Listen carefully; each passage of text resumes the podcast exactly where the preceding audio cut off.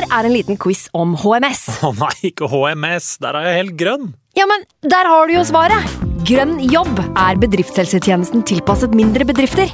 Våre HMS-eksperter hjelper mer enn 8000 bedrifter over hele Norge med alt fra lovpålagte HMS-krav til pålegg fra Arbeidstilsynet. Få på plass bedriftshelsetjeneste på grønnjobb.no. Hallo? Jeg kommer fra Oslo politikammer. Ine Jansen er purk. Er du purk? The motherfucking bitch. Alt jeg vil, er å finne ut hva som skjedde med mannen min. Jon Carew. Er jeg sikta for noe? Iben Akeli. Det er du. Ole So, Lars Berrum og Big Daddy Karsten. Hvem sin side er du på, egentlig? Anette Hoff, Tone Danielsen, Kommer du fra Afrika? Jørnis Josef, Nesten. Kløfta. Trond Espen Seim, Det er synd å si det, men det var feil mann som døde. Purk. Premiere tirsdag på TV2 Play.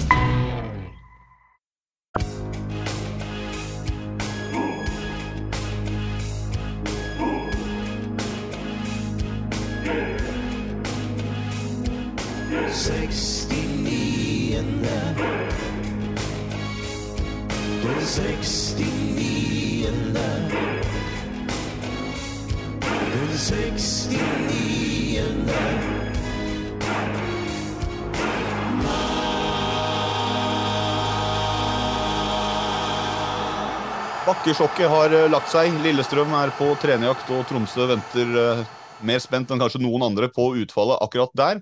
Supportere har begynt å protestere mot VAR, og Kamma klarer å krype opp på trygg grunn, samtidig som Målen får sin aller første seier som eh, RBK-trener.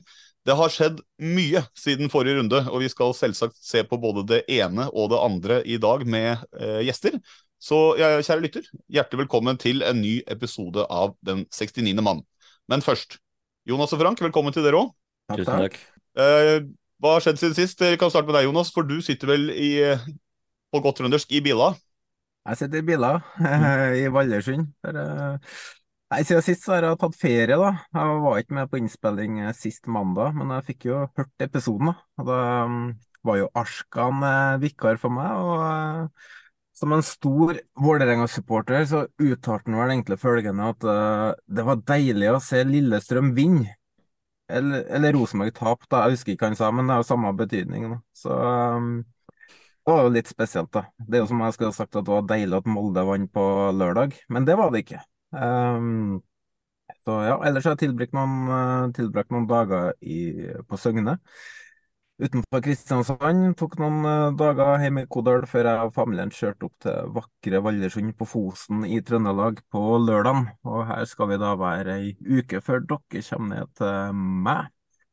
Eh, så tok jeg med fireåringen på Lerkendal i går, og eh, hadde òg med tante på eh, 75 år. Så for Jenny sin del så gikk det bra i andre omgangen, for da fikk hun telefon. Og tante hadde ikke vært på Lerkendal på elleve år, så hun var jo veldig eh, rørt. Hun, skreik når Ryttegård Jensen satte inn 2-1.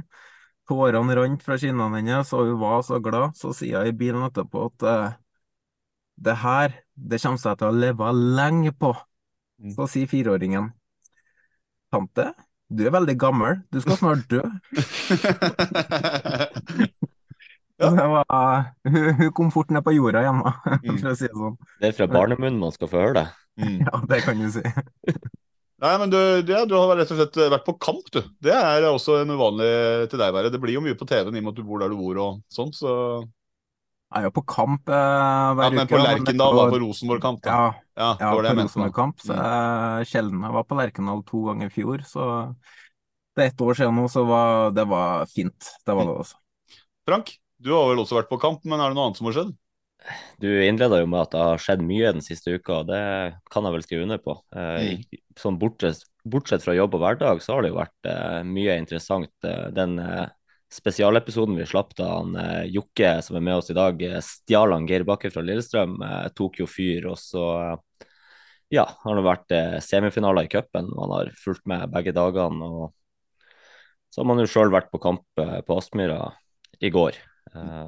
Der for, for den eh, observante eh, TV-seer så så den kanskje det at eh, supporterfeltet var noe redusert. og Det skyldes jo da at ultrasgrupperinga vår har kjørt en boikott. Der er det jo en, en misnøye mellom klubb og supporterklubb og vaktselskap og dialogen som har vært da. Og så vil jeg ikke gå for mye i detalj på alt det her, men det, det, er en sak som har to sider. og skal sies at det er vel kanskje noen som har sagt og gjort noe dumt som har fått klubben til å reagere sånn som det er gjort. da.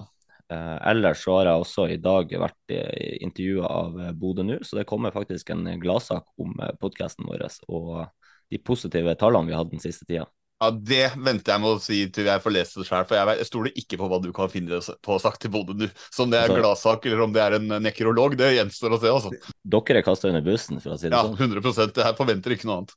Men, uh... Jeg får til, tilføye det med ultras uh, mot uh, Bodø-Glimt, så uh, har vi jo fått opplysninger om at det, det, er jo ord mot ord her, da, sikkert, men, men Bodø-Glimt som klubb føler at det kom trusler da, fra, fra en person i, fra J-feltet eller Ultras, så det er jo derfor de satte inn uh, ekstra vakthold eh, på den kampen mot Molde, som da skapte litt reaksjoner. Så det eh, Vi var jo ute og kritiserte Bodø-Glimt veldig kraftig etter Molde-kampen. og eh, vi, kan egentlig bare si beklage eh, til Bodø-Glimt for det, da, for det, det er tydeligvis en sak som har to sider her. så vi kan, vi kan, jo legge til også det at uh, styret i J-feltet og klubben har vært i god dialog de siste ukene også. Så det er jo uh, det er godt å se at det faktisk jobbes uh, for ei felles forståelse og enighet, i stedet for at det kun skal være drittslenging.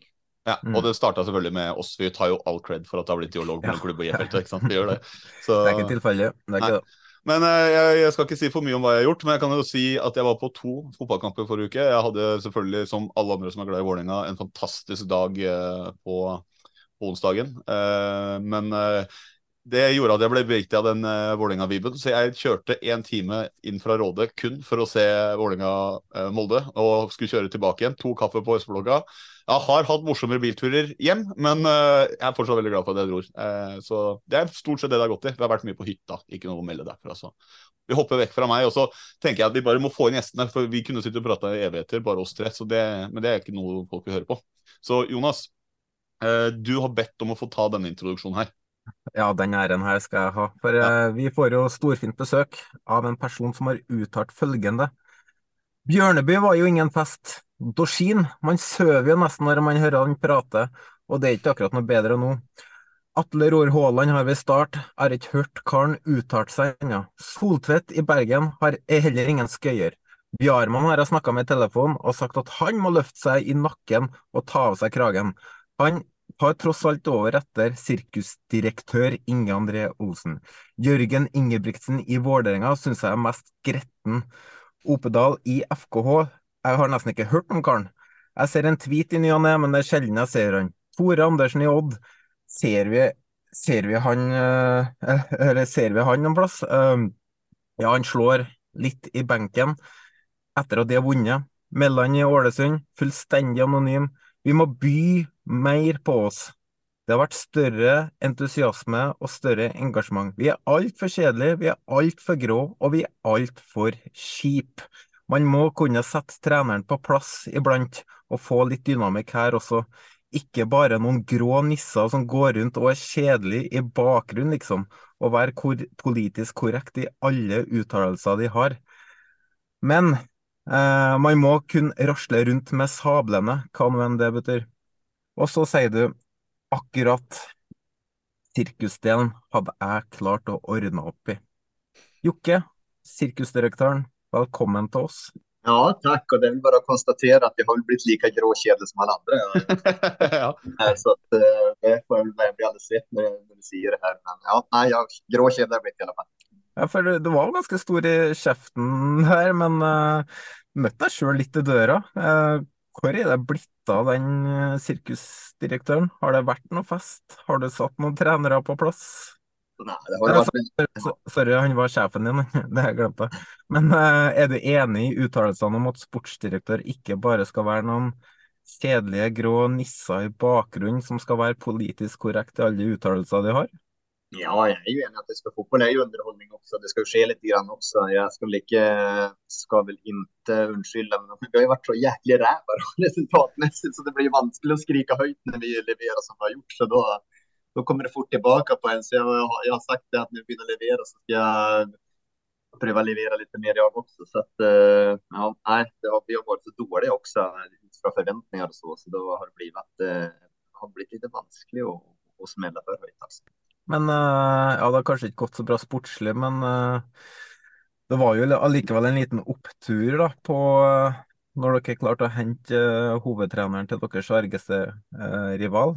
Sånn konkret, hvordan har den siste uka det vært? Ja, det har vært naturligtvis mye jobbing og, og turbulent Og sen som som Vålerenga, jag snarare var det som Vålerenga-supporter så var ju onsdagen helt fantastisk när vi startade med att presentera Geir Bakke och det allra morsomste var ju att det var inte ett mänske i norsk fotboll som överhuvudtaget hade tänkt den tanken ens. Det var inte ett medium. Alltså, man ser det, jag, första gången jag var med om för att det blir en sån stor bombe som slår ned eh, i, i norsk fotboll och samtidigt har det inte varit den minsta spekulation eller en eneste tanke det har vært sikkert nevnt 50 ulike navn i forbindelse med uh, trenersituasjonen til, til till eh, Vålerenga, men ingen har vært inne med Geir Bakke. så det, det, var jo litt ekstra morsomt også. Så fikk vi den vi aller, aller helst önskade også, det, det er jo det viktigste for oss. Så det har vært, vært en form av turbulent Og sen ble det jo toppa också nu hade vi liksom inte något motstånd i kvartsfinalen på kvällen, men det blev ju toppen med att gå till semifinalen också. Så att eh, det blir ju en glädje och Glimt har ju flaxat sig vidare både mot Tromsø och HamKam så att eh, det, flaxen plejer vi ikke hålla hela vägen veien, så tar vi slut i semifinalen för dem. Mm. Altså, det var jo mye um, som skjedde i forbindelse med det trenergreiet, men det var jo også en, en sånn uh, omstrukturering, om kan kalle det det, som ble kommunisert uh, på pressekonferansen. med at uh, Tidligere så har du uh, jobba under hovedtrener Dag Eile Fagmo, og så nå er du øverste ans ansvarlig på sport i Vålerenga. hvordan blir det for deg i praksis kontra hvordan det har vært til nå? Nej, men altså, De er ganske prestisjeløse i forhold til det. det er, nå er det jo så at når det ble en situasjon som det ble, så tror jeg også klubben tenkte at det er på tide å, å si, normalisere seg. Det har vel vært, har vel vært så at i Vålerenga så har treneren stort sett hatt det øverste ansvaret. Da er det lett at det blir kortsiktig tankegång. Det forstår du Alle trenere lever resultatet. Så får man si hva man vil, og sen kan man si at ja, ja men vi, hvis vi gjør sånn og sånn, så skal treneren på något höll på och oavsett. Till syvende och sist är resultaten som, eh, som avgör skebnen till en, till en tränare. Att han tar kortsiktiga avgörelser, att han pressar fram och trycker på det, det det ska det egentligen bara vara och det förväntar jag också. Det önskar jag också från en huvudtränare som nu vi har Geir, att han hela tiden ska pusha och pressa på. Vi fått in en spelare för exempel, då önskar han en till och sen ska han önska en till och så på en träningsläge, så ska han önska en till och en eh, mer än det. De ska önska, de ska driva det här, de ska maximera det hela tiden och sen blir det ju min uppgave med klubben att sätta linjen att okej, okay, og och gjør vi och sen eh, vet jag ju att när man har med Geir nu så är han ju väldigt, väldigt fin og och samlande person också, så det, det ska inte vara något, vara något problem. Men jag kommer inte bara hämta in någon, eh, spillere eh, eller så blindt for Geir Bakke. det skjer ikke. utan det gjør vi ju, det, gör vi sammen. og det tror jeg stort sett det blir også i, i alle klubber. Enn om det er sportssjefer som har, har øverste ansvaret så det, må, vara, må det være en felles forståelse for, for spillerne som skal inn. Så at det, någon revolusjon blir det ikke, det, det gjør det ikke. men just om vi kommer till spelarlogistiken så kan väl den bli lite annorledes naturligtvis också. Det har väl Dag Eileva aldrig lagt skjul på själv heller, att han har, han har önskat skandinaviska spelare, han önskar spelare som han först och främst har, har känt till och det, det la han skjul på när jag var där heller. Så det, det sa han själv att det kunde vara en liten svaghet hos han.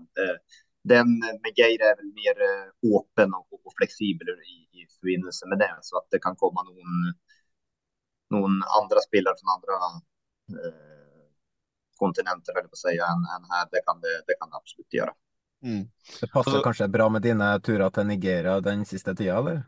Det har vært mye altså, i Afrika har vært mye, det har vært seks ganger i Afrika siden i november, så att det, är, eh, det har blitt utplockat der også. Det var for, går man bare 15, det er ganske lenge siden var man er, men går man 12-15 år tilbake, så var det noe helt annet og mye, mye enklere å finne de här diamanterna der nå er eh, og och utplockat. Men det kommer jo alltid opp noen. Det er jo, Stabæk var jo et bevis på det i forhold til till giftsituationen med Fofana målde den jo annorledes. Eh, han var jo etablert, så den var jo veldig spesiell. Men, men, men gift er jo en sånn eh, guldkorn som, eh, som dyker opp også. Så är det ju alltid det där när man hämtar de här afrikanska spelarna att spåra av helt, eh, så handlar det om en tålmodighet också. För det var ju ytterst, ytterst nära att Stabik icke tog gift. Han var där och tränade länge och till slut så var det ju omtrent han skulle resa hem och hade biljetten hem så var det väl eh, Bjarman där som sa nej, vi tar han. vi, han ska vi ha bara. Så han skar igenom där egentligen och som överstansvarig skar han igenom och det blev ju en ganska vällyckad historia. Men de var ju inte trygga på gift fast han har varit det i flera månader. Eh, sånt sett. Så man, man må ge en lite tålmodighet också.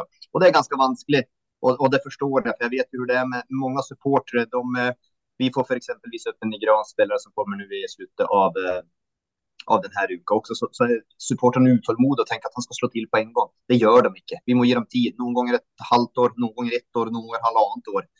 Eh, og Vålerenga har vel både gode og dårlige erfaringer med det. Skidde er naturligvis en god erfaring, men sen dårlig var jo med Aron Samuel, der man hadde null tålmodighet. Og så helt plutselig så ble han jo den kanonspilleren. Han skulle man naturligvis ha gitt, gitt tid, men eh, men da kommer det her ytterpresset opp som från supportrarna og da er det lett at klubben blir prega av det og så och så tar man beslutninger da, som kanskje ikke er godt nok nog. Så det blir jo også en oppgave for dem og det må man tørre å stå i. Man må tørre rett og slett å, å få litt kjeft og få litt kritikk eh, i perioder just når det gjelder det her med spillerlogistikken. For det fins ingenting som blir avskrevet så fort som en, eh, som en fotballspiller. Altså det, det skjer hele tiden. Og sen ser man gang på gang at når de får tid og litt trygghet og litt lengre, og det gjelder ikke bare afrikanske spillere, så blir det jo faktisk ganske bra. Men, men da må man törra både jag men också som klubb och står der litt. där lite grann. Så det, det är ju förstås en uppgave. Det blir ett långt um, Husker nesten ikke hva du spurte om, det ble det sånt svar. uh, um, vi må litt tilbake til den trenerjakta som, uh, som akkurat var. da, For um, dere hadde jo Bakke uh, under lupen lenge, men det var noe som tydeligvis tok litt lengre tid. Og dere jobba jo sikkert parallelt med andre alternativer. Eh, hva var dine tanker da Rosenborg f.eks. har sparka Rekdal rett etter at Fagermo var ferdig? Klubber opererer jo stort sett i samme farvann. Er det, gjorde det noen endringer for dere, eller, eller uh, hadde dere peka dere ut en retning fra dag én om at uh, dit skal vi gå?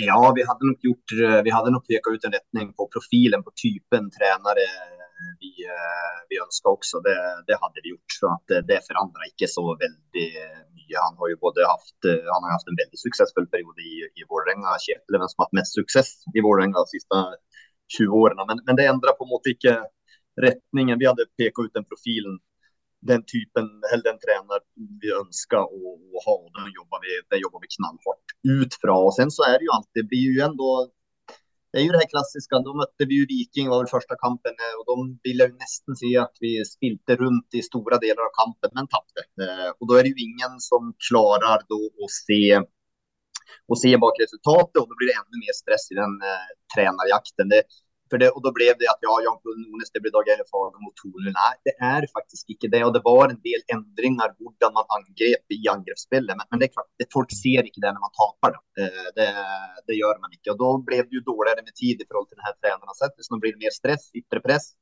Samtidigt hade vi sagt att nu ska vi stå emot det. Alltså, nu ska vi stå emot och nu ska vi ha ha den tränartypen vi virkelig ønsker. Så at, uh, vi stod vel egentlig med uh, tre tränare på, helt på, på slutten där då. Det, alltså Gerd Backe var, han var det klara första valget, men det var lite fram och tillbaka och sen så var vi var det diskussioner som, som föregick naturligtvis med rådgivaren. Vi hade ute kontakt med Gerd helt, helt, helt på slutet. För visste vi när vi skulle ta kontakt med honom, då visste vi att de var pang, pang, pang, då måste det ske på, på en gång. Det, det gjorde det också eh, där.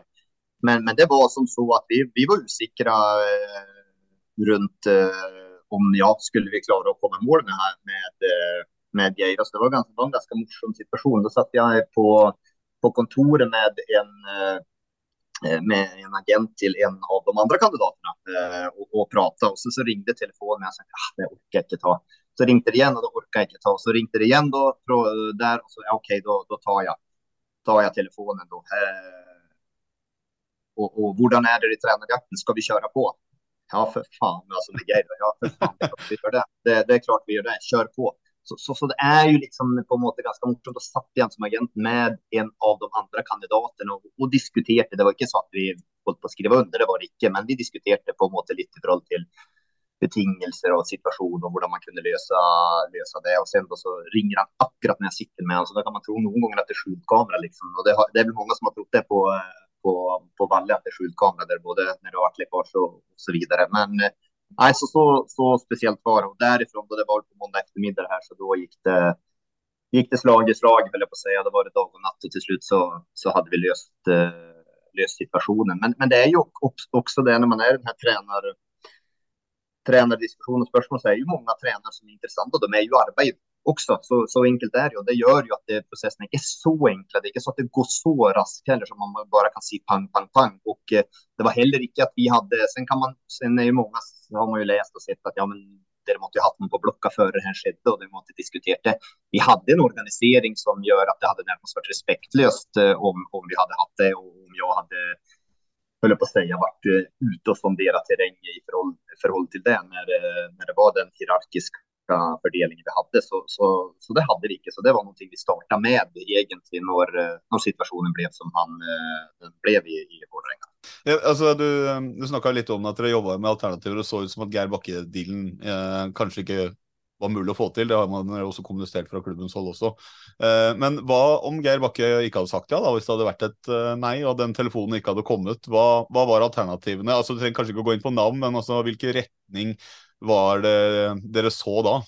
Ja, nei, men da så vi det var, eh, Da hadde vi et par andre alternativer som, som ikke var norske. Så, at mm. det er, det, så, det, men, så da hadde det nok blitt ikke norsk trenernavn. Men er når det ble som det ble, så er vi veldig veldig glad for, eh, for at, vi kom, at vi kom i mål med Geir. For det var som sagt, det var, Han var udiskutabel førstevalget også. Det var, det var ikke så at det var 50-50, utan han, han, var, han var det klare han var klar av valget. Men, men, eh, vi hadde et ganske bredt spekter i forhold til, til kandidater. Og det blir at man setter opp en naturligvis. Det var mange kandidater. og Sen skala vi ned den litt. Grann, og så hadde vi jo noen prat og intervjuer med, eh, med enkelte trenere også. Så det var, eh, det var ulike flere ulike nasjonaliteter som var aktuelle. Jeg kan bare skyte ned så Det ble spekulering etter det klippet som ble også i Ære være, hvor du satt på kontoret og diskuterte, eller hadde en sånn Zoom-møte med en kandidat, og at det var noen som spekulerte at du la om til litt eh, breiere svensk, at svorsken forsvant, og at man da kanskje var i Sverige. Men uh, det får jo bare være spekulasjoner. Men det var jo en liten artig Eh, artig liten han, kan svare, han kan jo svare på det. Ja, var det svenske? men hvis, uh, hvis det var det så, det, det var det. Da tenkte jeg da får jeg jo For nå tar jeg, jo jo nollspråklig, nå prater jeg om svorsk som er det mest jævlige som finnes, men uh, det har bare blitt sånn, så det får folk bare tåle. Mm. Men ja, da ble det litt med å Jeg miste en del svenske ord, så jeg må nesten tenke om på, på, en del ord på det svenske. Men ja da, det, hvis, hvis det var det så. Det var Jeg forsvenska meg litt mer enn jeg gjør normalt. Så da, mm. det måtte jeg gjøre. Så han forsto absolutt alt. Så det er helt riktig. Det. Hvordan har det vært for deg når det har storma rundt klubben, Espeseth ut og styreleder som tar Twitter i bruk og kaster bensin på bålet? Eh, motstand mot Trøim, generelt dårlig stemning og dårlige vibber, for å snakke deres språk. Sammenligna med hvordan det var i f.eks. Fredrikstad, da. hvordan har det vært for deg å gå på jobb i denne eh, tida, før Bakke var klar? da? Alltså man, man har ju blivit härda med ett långtliv innanför fotbollen, det har man ju blivit. Och det är ju sån är det det är mer regnvärsdagar än solskensdagar i fotboll, det är inget tvivel om det. Eh, det är väl bara, ja, det, Frank vill väl säga. Eh, men, eh, men stort sett då, så för de flesta klubbar så är det mer regnvärsdagar än solskensdagar. Och det må man vara innstilt på, så gäller det att nyta de solskensdagarna då. Det, har varit, det har varit ett tufft år, det, det är inte någonting att lägga skjul på det. Det har varit ett år eh, egentligen som har startat helt i januari, där det har varit turbulent runt Vålerenga. Vi hade ju den berykta Lajoni-saken i, eh, i media för exempelvis som var fullständigt unødvendig, och sen så har det varit, eh, varit många ting här och eh, det är klart att det, man ska säga men det ska väl inte präga spelaren, det ska väl inte prege. jo men det, det gör nog det lite grann. Det, det, går inte att komma ifrån liksom att det är urolig så blir det en liten mer spänt eh, stämning. Och sen har jag väl sagt tidigare också, våra, vårt problem lite grann i Våränga, det är någonting att det har varit mycket, mycket dålig eh, massmedialt, men vi skapar dessvärre mye sjøl også. Altså, vi, vi legger opp til halvparten sjøl som vi steller i stand med der. og Det, det må vi slutte med. Just det, Kommunikasjonen må bli mye, mye bedre, og vi må kommunisere bedre. Eh, derfor også så var jo den profilen de ønsker å få inn på en trener også, så, så er jo Geir Bakke en, en samlende kraft. Han har jo vært det i samtlige klubber han har vært. Det er en ting at samtlige har fremgang, men men han har også vært en samlende kraft, en kulturbygger i klubben som har samlet Jan og samlet trenerteam og, og, og, og spillerstall og fått ut maksimalt av det også. Men han har vært veldig dyktig til å, å samle klubbene han har vært i også. Og, og, det skal man ikke undervurdere heller. Og, det får han ju naturligtvis också bruk för i, i Vålerenga. Så för oss var det viktigt att ha en, en samlande kraft, en som är väldigt balanserad och, eh, och, och, dyktig i media, för det, det är han också. Så att, eh, och rolig person. Så att eh, typen har varit viktig just, eh, just med tanke på det, det här, eh, på säga, livet som är i Vålerenga det yttre presset som är i Vålerenga, för det är ganska starkt också. Det ska inte det skal man ikke legge skjul på. Nå hadde vi en eh, fantastisk onsdag. så Det var, det var, det var en magisk dag. Da må man nyte enda mer av enn man kanske gjorde. For det første slog vi Lillestrøm på fingrene litt på morgonen her, og hela, ja, hele Norge nesten. Og den ble unison eh, godt tatt imot, vad, det, jag upplevt i Vålerenga. Og sen på kvelden så slår vi Brand Jeg ligger under 2-0 och, och snur der og får en magisk kamp. Men sen så spiller vi då noen någon etter, så møter vi Molde. Altså det, det sällan det hagla inn så mye søppel på telefonen som det gjorde i løpet av den matchen. Under matchen, etter matchen og rundt også. Så at, uh, det er ett press og det påvirker jo alle mennesker. Det kan man si at man ger efter. Ja, i, i det store og hele så, så, så preller det mye av. for man vet at det er mye galskap og det er mye følelser som er involvert. Men, men det er klart, når det kommer mye sånt så, så, så till slut så er det jo med och och, och, och prega lite grann också. Så det, så det yttre presset är, är väldigt starkt i, i Vålerenga. Och där vet vi också att Gay är väldigt dyktig i den fasen och tåla det yttre presset. Han har varit i Vålerenga tidigare också och eh, det är väl inte något nytt att storma i Vålerenga år. Det har det väl gjort. Eh, ja, nej.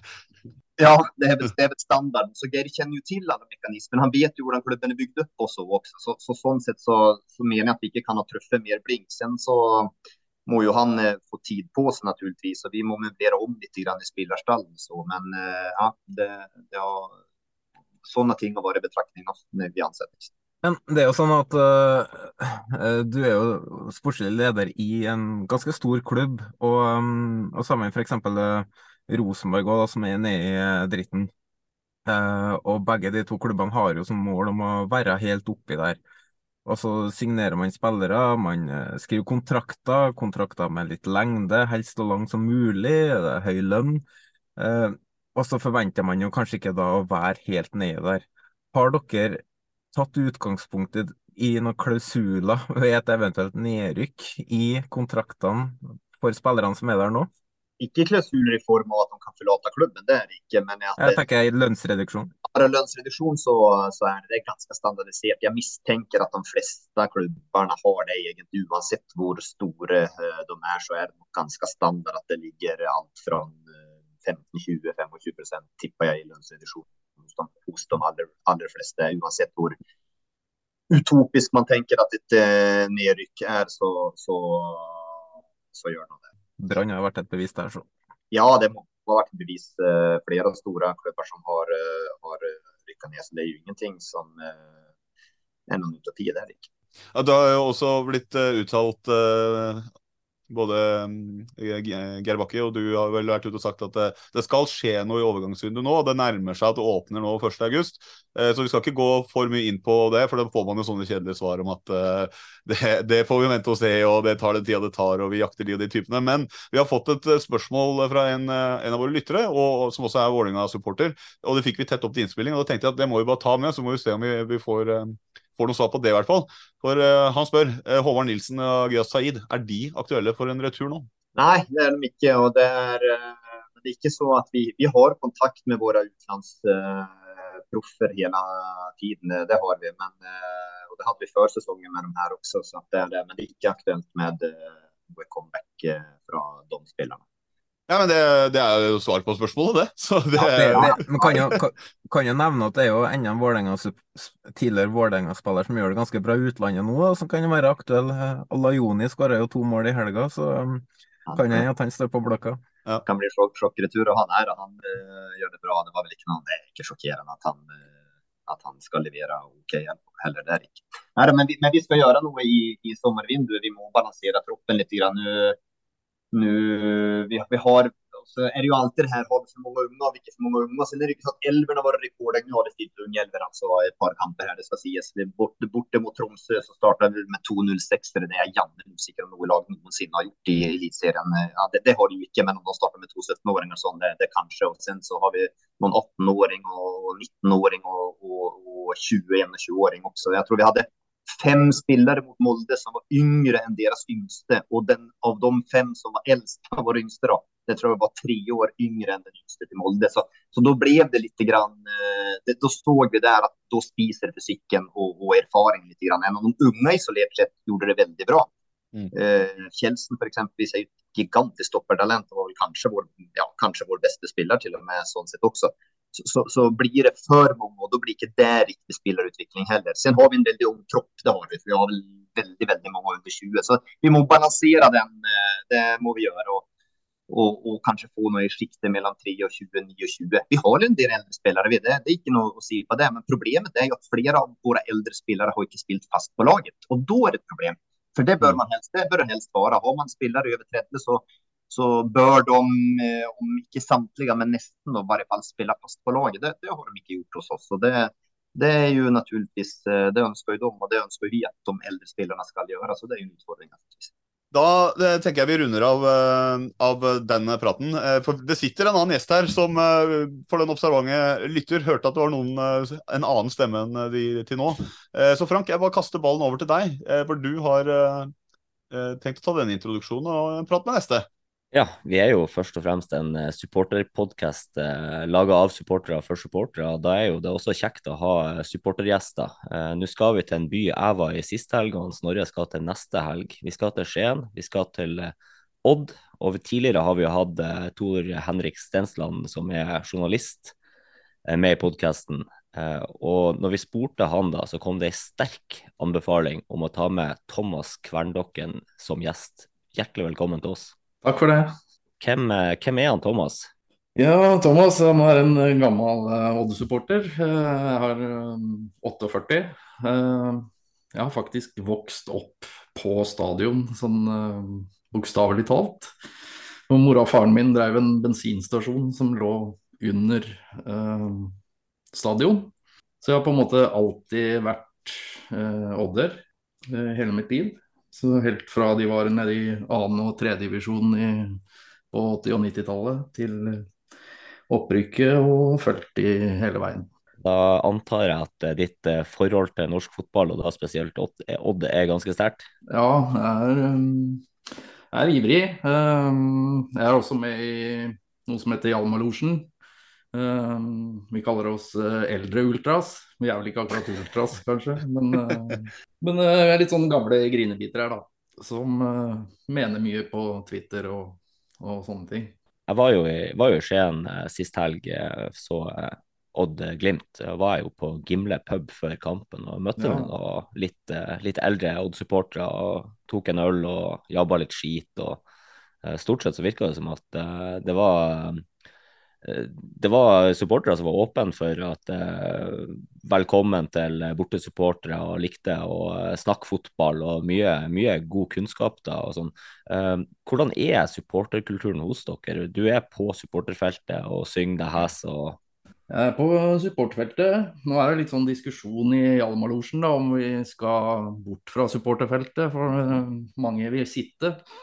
Men eh, Men, så jeg vet ikke hva det, som det blir neste år, men vi har vært på feltet noen år nå. så nå er spørsmålet ditt igjen? Datt ut her nå litt? Nei, Fortell litt om eh, supporterkulturen dere har. da, og Nå snakker du om Hjalmarlosjen, og dere har jo odderne også. Ja, vi har jo en liten supportergruppering, vil jeg si, i, i odderne. da.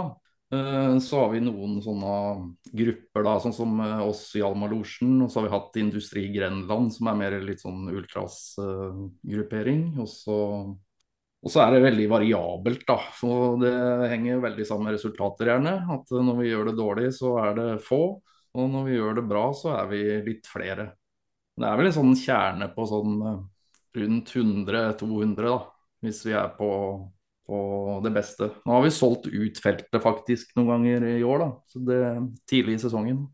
Så det er egentlig bra for oss, da. Så, og da er det vel rundt 400, tror jeg, hvis det er utsolgt.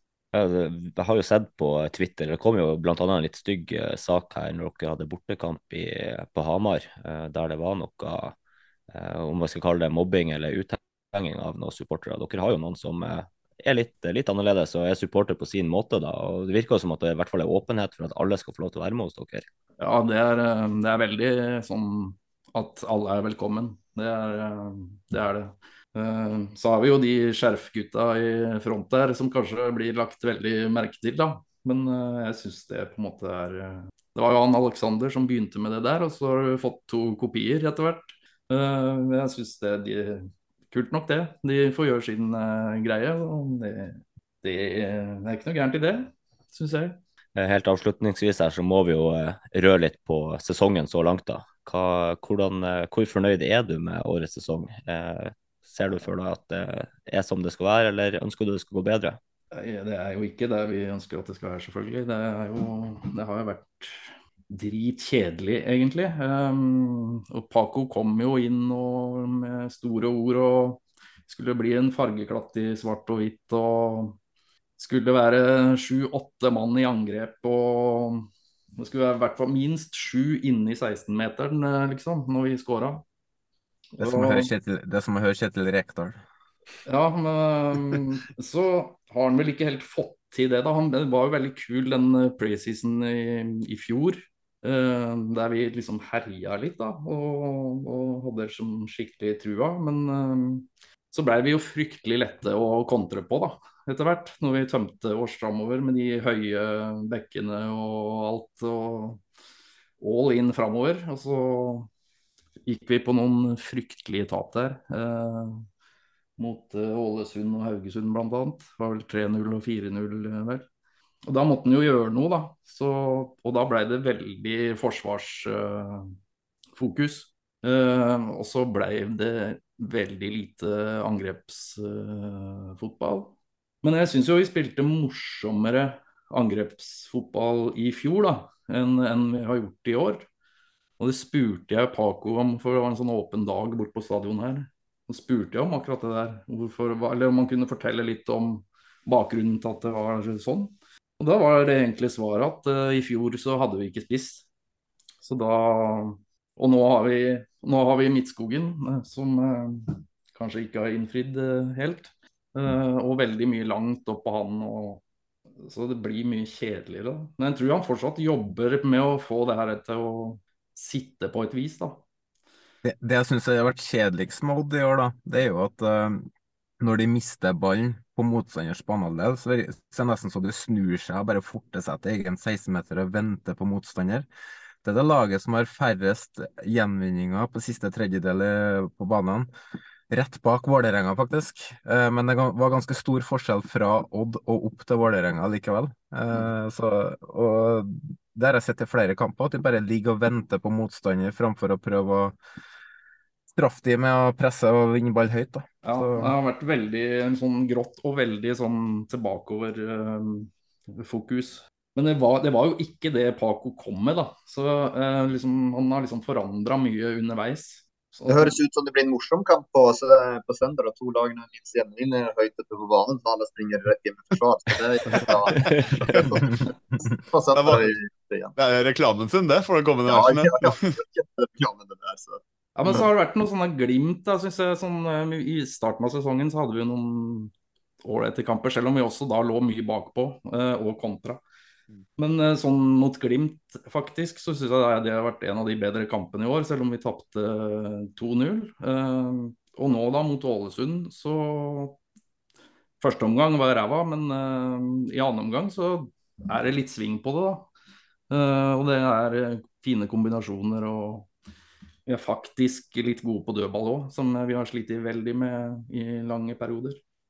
Jeg håper at det er en positiv framgang, da. Men det er litt tidlig å si, kanskje.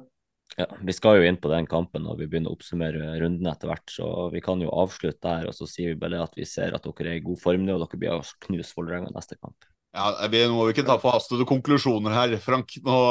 Men uh, da kan jeg jo spørre dere, uh, Jokke og Thomas, er dere klar for å oppsummere runde 14? Er dere oppdatert? Yes. Ja, ja, jeg, jeg, jeg, mest, mest oppdatert på Vålerenga. Jeg er ikke så forbanna oppdatert på alt annet, men uh, jeg skal vel klare det ennå, ja. Ja, Nei, men da kjører vi i gang.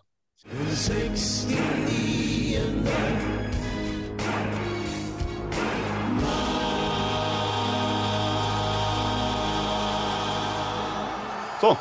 Jeg har valgt å, å, se eh, først på det jeg har valgt å kalle trenerbytteeffekten. For det har jo vært noen endringer til nå. Og det første vi skal se på, er ja, VIF Molde. Vi har allerede snakka litt om resultatet der. Men det ble ingen umiddelbar bakkeeffekt for Vålerenga. For det ble en, det ble en smell. 0-4.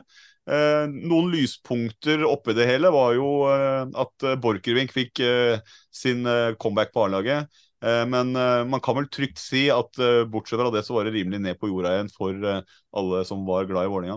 Molde derimot har jo da fått ordentlig heng på, på pallen, og virker som å at det virker som at jinxen til Frank ikke gjelder like godt lenger. Så de er, er der. Men hva, hva, kan jeg spørre deg først, Thomas? Så du, så du den matchen, kanskje? Eller Hvilken kamp snakker du om nå? Vålerenga-Molde på, på lørdag. Ja, den så jeg faktisk. Ja. Det gjorde jeg. Hva, hva sa du og tenkte? For Det er kanskje greit å høre fra, fra det nøytrale først. Jeg, jeg, jeg, elsker jo at Vålerenga taper. Ja, altså ikke så nøytral? nei, det er, liksom, det er det viktigste for meg. Det er at Odd vinner. Og mm. nest etter der, det er at Vålerenga taper. Ja, okay. Så, det, det, er egentlig litt godt å få det her i studio, for vi pleier å ha to Vålerenga folk i studio. Så det, det, det, var litt godt å få litt sånn imot Vålerenga her òg. Ja, det er sånn masse gammelt lag mot Vålerenga, så det, de ønsker liksom ingenting godt. Så, mm. Men det er kult å ha de der, da. Så, men det hadde jo vært moro med et nedrykk. Jeg blir bekymra hvis du svarer akkurat det samme nå, Jokke. hva, tenker, hva, hva, tenker, hva, tenker, du? Vi var litt inne på det, men sånn eh, den fotballeksperten i deg fra tidligere, når du ser hvordan kampen ble, hva sitter du igjen med der? Nej, för Molde är mycket kraftfulla. Molde är bästa laget i enn akkurat eh, nu. Eh, de är kraftfullare i allt, allting de eh, gör.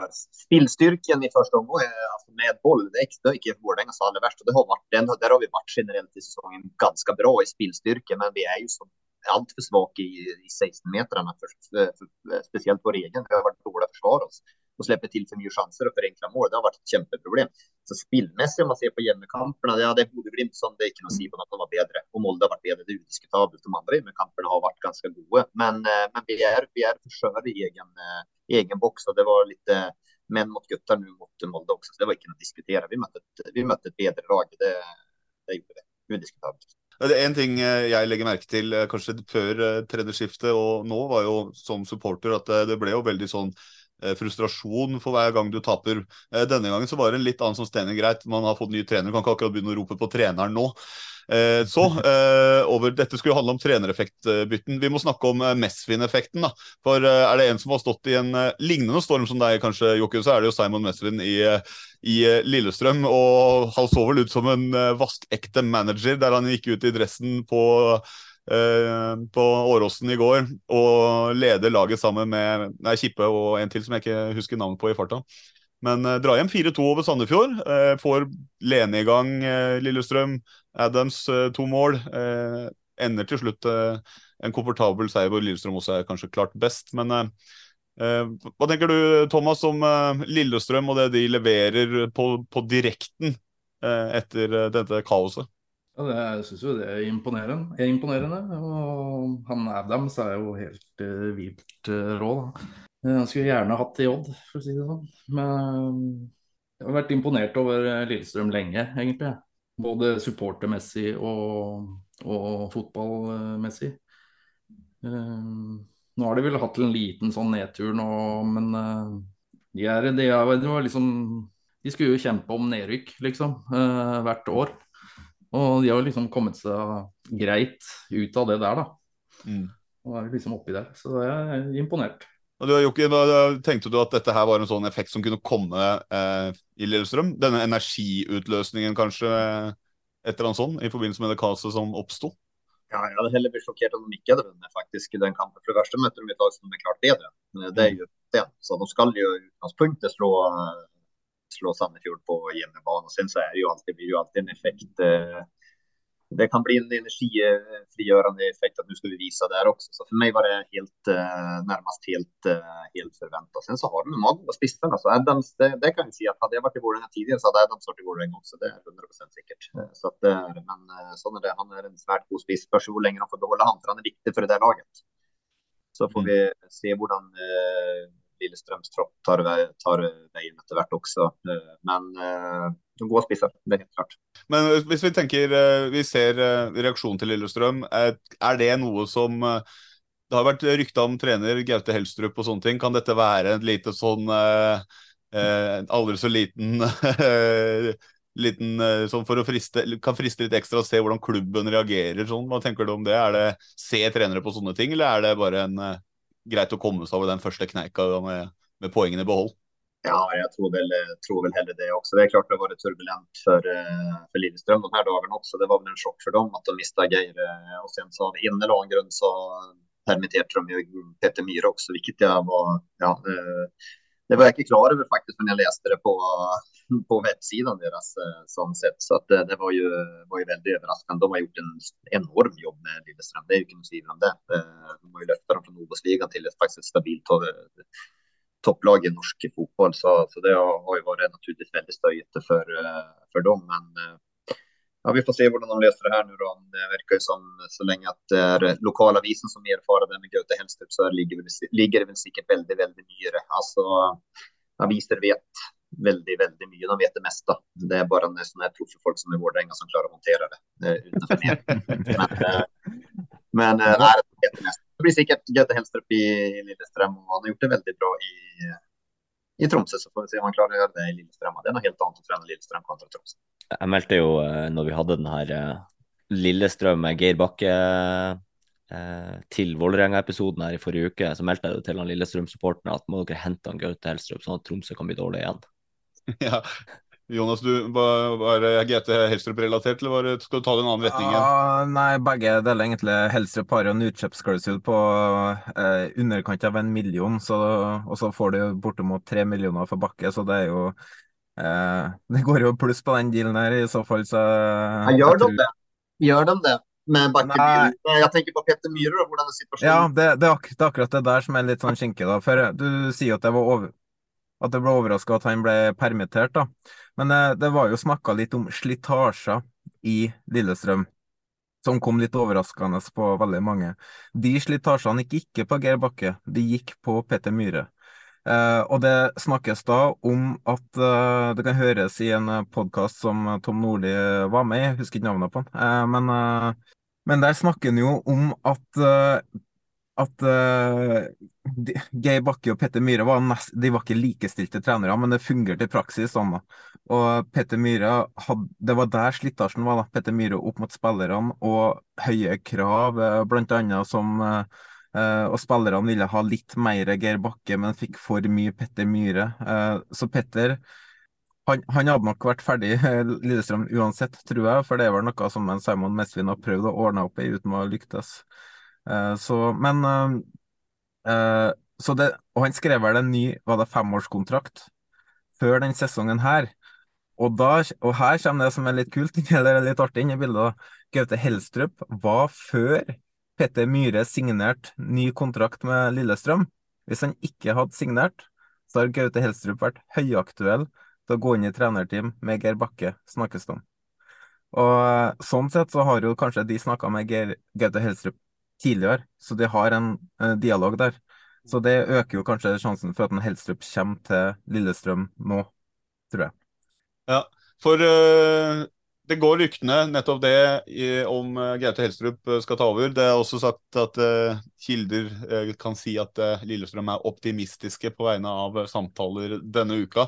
vi får vente og se, men Eh, det kan jo da ha vært eh, Gautes kanskje siste kamp eh, som tiltrener, og den var da mot Rosenborg. Det var Rosenborg-Tromsø på Lerkendal. Det er den kampen du, ene Lerkendal-kampen i året for deg, Jonas. Og ser man nå endelig litt sånn effekten av eh, trenerskiftet der. Eh, det tok litt tid, men nå fikk endelig Målen disse tre poengene og en 2-1-seier over Tromsø. Sæter eh, leverer en fin skåring før Tromsø utligninger. Og så er det den riktige Yttergård Jensen som får æren av å, å sette 2-1 på overtid. Så ser man nå effekten av trenerbyttet? For å gå tilbake til det du sier da med Yttergård Jensen, så sendte jo jeg dere melding i pausen at dæven, Yttergård Jensen og Reitan har vært enorm i dag. Mm. Så det var jo ganske passende at Yttergård Jensen satte inn 2-1 der. Og Reitan assist, da. ja, ja, det er i tillegg, da. Men, eh, men, eh, effekten har vi jo sett fra dag én. Eh, de har vært bedre offensivt fra første kamp. Det, det, det har sett ut som et eh, noe som de faktisk trener på, som de prøver å få ut i kamp, at de prøver på eget spill. Det har de gjort, men det har jo ikke sett ut defensivt. Det har jo vært eh, åpent fra altså Motstanderen kunne nesten bare ha sprunget rett gjennom. Det har ikke vært struktur i det hele tatt mm. eh, defensivt sett før nå. Eh, og Det er jo det som har bekymra meg litt, at det er så lett å skape målsjanser mot Rosenborg. Lillestrøm kunne jo skåra både fem og seks mål mot Rosenborg på Lerkendal. Uh, Ålesund hadde jo to i stolpen i første omgangen. Uh, Sarpsborg, de, altså at ikke de ender opp med seks-syv mål på Lerkendal, var jo egentlig bare tur. Um, men herre kampen mot Tromsø, bunnsolid i 50-60 minutter. Eh, slapp ikke til en eneste farlighet. Det var Syché som hedda tre meter over på en corner. That's it. Så jeg satt der egentlig med en veldig god feeling i første time at det her Altså, nå har vi stålkontroll. Men så skjedde det et eller annet. Eh, Lillestrøm kjempe, eller Tromsø får skape en kjempesjanse når, når eh, uh, hva Jeg husker ikke navnet på spissen. Ikke Dioff, men uh, ja, samme, han kom, ja, kom alene med keeper og satte den håpløst utafor. Etter det så ble Rosenborg redd. De ble passive, de ble defensive, de turte ikke å stå høyt med Forsvaret, ble liggende lavt. Og da tok Tromsø fullstendig over kampen, og så får de 1-1 på dødball. Eh, men sjøl om Tromsø da hadde ballen stort sett hele tida siste halvtime, så, så skapa det ingenting. For det sto ganske solid defensivt. Eh, men så har Rosenborg litt tur, for en gangs skyld. Eh, Dioff får jo gult kort for å dra av seg skjorta, eller løfte opp skjorta og vise et politisk budskap på 1-1, som da er korrekt. Og så får han korrekt gult kort nummer to når han går opp med albuen. Da tar Rosenborg over igjen, i tillegg til Børke som kommer inn på etter skade og løfter Rosenborg mange hakk. Eh, offensivt, selv om Vennenen var enormt defensivt. Eh, da, tar Rosenborg tak i ballen og får løfta opp spillet. Eh, kommer ikke noen store målsjanser, men de klarer å få ballen på motsatt banehalvdel og holde på ballen der. Får etter hvert en dødball og ender opp i skåring. Så alt i alt så syns jeg Ser man kampen i 90 minutter, så vinner Rosenborg kampen for sent. De skaper flest målsjanser gjennom hele kampen. Det er høyest XG. Eh, og slipper Tromsø til veldig lite. Men så har de veldig flaks at de vinner på den måten de faktisk vinner på. da. Men nå har de jo hatt litt motvind, så sånn sett så er det jo ja, fortjent, sjøl om, selv om Troms um, vinner kampen. Nei, vinner ballbesittelse. Så mm. deilig. Er, eh, er Tromsø-marginene brukt opp nå, Jokke? Er vi de, for det, det, er sånne kamper de har vippa i sin favør egentlig hele sesongen til nå. Og så får de dette røde kortet, og så vipper det eh, i favør Rosenborg denne gangen. Har de brukt opp flaksa? Ja, får vel, eh, får vel tro det. Men de eh, har jo fast det, altså, er noe lag som har marginer som var dyktige om naturligvis. Det er en styrke når man klarer å vippe kampene gang på gang til sin egen fordel. så det er jo ikke tilfeldig. Men, men ser man stort en sesong, så pleier det jo alltid å och jämnas ut. Så Lillestrøm och Tromsø har, eh, har väl haft extrema marginer eh, med sig den här säsongen i forhold til eh, förvänta skåringar och XG og egentlig spill. Så at, ja, vi får vel tro at de er på retur. Og du og Thomas, tror du dette kanskje var GTs siste kamp som trener, eller uh, tiltrener? Jeg aner ikke noe om det der. Jeg har bare hørt, jeg har hørt de samme ryktene som dere, selvfølgelig. Men det kan jo kanskje se litt sånn ut. Men ja, det blir spennende å se. Og ikke minst, eh, da, når vi er inne på det, effekten av hva det kan gjøre for Tromsø hvis de må gi fra seg GT Helstrup eh, midt i sesong. Frank? Altså, men én ting, da. Rosenborg må signere han Sæter nå. De kan ikke miste han etter sesongen, sånn som han faktisk fremstår for å løfte laget. De har hva det er, 60 spisser. Han er den eneste som fungerer. Signer han, gi han de pengene han skal ha. For å skyte inn der, da. Eh, Sæter kom tilbake fra skade mot Ålesund. Eh, laget faller fullstendig sammen når han går av. Han, eh, han eh, starter mot Lillestrøm. De truer Lillestrøm av og til, i hvert fall. Eh, han blir bytta ut pga. at han holder ikke mer, og laget faller fullstendig sammen. Han blir bytta ut nå, mot Tromsø. og Laget faller fullstendig sammen offensivt, så han er utvilsomt eh, viktig. Og han er fortsatt undervurdert, mener jeg, da, i hvert fall blant mange. Ole Sæter er en klassespiss, rett og slett.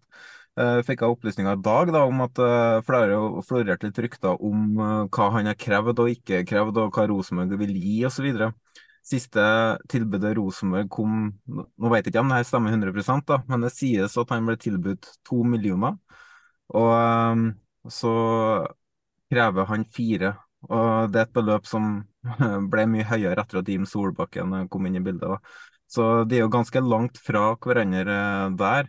Men samtidig, fire millioner, to millioner over det de er villige til å tilby, kontra det det koster å faktisk få tak i en spiss av samme klasse, både lønn og overgangssum. Mm. Det er ganske mye billigere å beholde Sæter, altså. I tillegg så har han personligheten, trønderen i seg, som kan være samlende for en Rosenborg-supporter. Sæter sa i går til en uh, god kamerat av oss, uten å nevne navn, at han har veldig lyst til å bli i Rosenborg. Han vil ikke noen andre plasser enn å være i Rosenborg, og det er noe han sa allerede i går. Så det er jo ikke noe å lure på. Det där är ju lite intressant när du nämner just det här med att eh, var det ju för så krav och, och förväntningar sånt sett. Men det du nämnde där, vad mycket kostar att hämta in en annan eh, spelare. Och sen så är det ju, är det ju där då i förhållande till hierarki i klubben och att det får inte bli anarki, att man kan gå in och, förvänta vad som helst. Men, men det är klart, att hämta in en spiss av hans kaliber, är ju, det kostar naturligtvis ännu mer. Och det blir ju de, Rosenborg de svi av med mer pengar. Men, men sen är det ju det här aspekten, det kan inte bli anarki heller, att spelarna ska få välja vad de ska ha i vad de ska ha i lön heller. Men, men just det regnstykket, det, det är helt riktigt. Och det tror jag många gånger blir gjort att kraven blir för stora på spelarna. Okej, så sätter man gränser där och sen så hämtar man in en ersättare och sen så visar det sig att med sign-on fees och övergång och så, så, så är det dubbla pengarna på en gång. Så det, det, det, är en vansklig balansgång och det är vanskligt för en klubb också. Det är, om man ska ta ledelsen, klubbledelsen i Rosenborg i, i forsvar også. Jeg må bare spørre helt til slutt før vi hopper eh, videre. Eh, Jokke, når Jonas eh, smalt ned fire mil her, noterte du det og, og, Ole Sæter bak der, og, og, la det bak øret i tilfelle det skulle bli aktuelt å hente spiss, eller ble det litt for mye penger? Nei, jeg tipper at han hadde spilt billigere. Han ønska å spille Vålerenga, så han hadde spilt billigere for oss, tenker jeg. 500 000 kanskje i året, noe sånt. Nei da. Vi, vi, hopper videre eh, til den siste eh, kampen som eh, handler litt om eh, trenereffekten. Og her har jeg prøvd å strekke altså, for å få en liten bolk. Men eh, det jeg lurer på nå, da, vi ser Christian Johnsen-effekten. Har den allerede begynt å avta? For eh, de ble sabla ned i 0-3 hjemme mot ditt kjære Odd, Thomas. Og mm. Odd har jo slitt eh, kanskje litt i siste kampene, og du var jo inne på det selv. Det har sett grått og trist ut offensivt. Og så, så får eh, Ålesund, som egentlig har, ser ut som har løfta seg egentlig etter trenerbyttet, får de den smellen her og klink nederst på tabellen. Hva sitter du igjen med av det Ålesund-laget du fikk se i går? Jeg, jeg eh, var jo helt overbevist om til pause at det her kom til å gå gærent. Syns jo Ålesund var farligst frampå og hadde de største Selv om vi hadde kanskje noen mye òg, men uh, hadde veldig følelsen at uh, det her uh, går dårlig. Men så er det gamle, gode Espen Gud, da, som ja. skårer på en corner der, og så 39 år, altså. 13 sesonger har han skåra. Snart 40. Ja. Så, og to mål og assist i går. To, to mål, toppskårer for Odd eh, i år. Så det sier litt. Så kom det da kom det liksom litt eh, ketsjup-effekt, på en måte. Så da syns jeg faktisk vi spilte bra. Nå vet jeg ikke hvor bra Ålesund er. eh, sånn, uh, de er kanskje veldig dårlige, men De har blitt mye bedre offensivt etter at Lars Arne Nilsen fikk sparken. Men så har de jo åpna opp litt mer bakover, da. Ja, i hvert fall en veldig positiv eh, opplevelse for, eh, for Odd, da. Å vinne liksom med litt større siffer enn bare 1-0 og Clean sheet, tre mål. Espen Good, som du kalte han, to av de, og det er jo en, det er, det er, det er ikke noe overdrivelse å si at han er en Odd-legende. Så ja. det kan jo ikke bli kanskje så veldig mye bedre fra et supporterperspektiv enn sånn type resultat. med Og så var det jo noe varrør der òg, så jeg syns Steffen Hagen burde vel kanskje fått en, eh, han òg. Eh, kanonmål. Det er jo også en eh, god, gammel legende med snart 550 kamper, vel, for Odd. Ja, for det, var jo på, var på 1-0 der at Steffen Hagen tror at han har skåra 2-0. Mm. Uh, også, uh, for det, er, det, passer egentlig bra til litt uh, om ikke så lenge. Men kan du Du så jo dette her bedre enn oss andre. Jeg har sett litt på det i ettertid. Men det er en merkelig situasjon, er det ikke det? Jo, det er det. Men jeg tror kanskje sånn um, alt, alt, det var riktig kanskje da, helt til slutt. Men det var jo veldig rørete, ja. Det, var, ja. det ble jo mål, og så ble det dømt mål.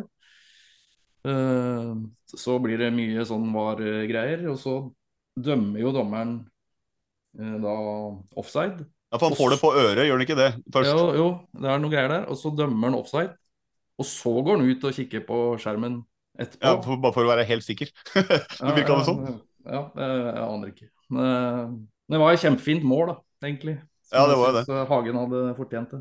Nei, det, eh, det, var noe med det. Men jeg vet ikke, så du det? Har du sett den situasjonen, Jokke? Eh, den, eh, hvor Saggi strekker hånda i været og sier det er offside. Og så går han ut og jogger til skjermen og så må se for å være helt sikker på at det er offside. Virker det sånn? Nei, nei men noen ganger så er det jo det Nå ble det jo gikk vel bollen i mål, så at det kunne de gjøre det. Ellers har det vært noen ganger blitt blåst tid før målet. Vi hadde vel en sånn nå var det ikke offside, en sånn incident mot Lillestrøm med Aron Kiel Olsen som eh, han blåste før den bollen gikk i mål. Hadde han bare latt den bollen jeg husker ikke om det var Saggen, det kan ha vært det, kan det ha.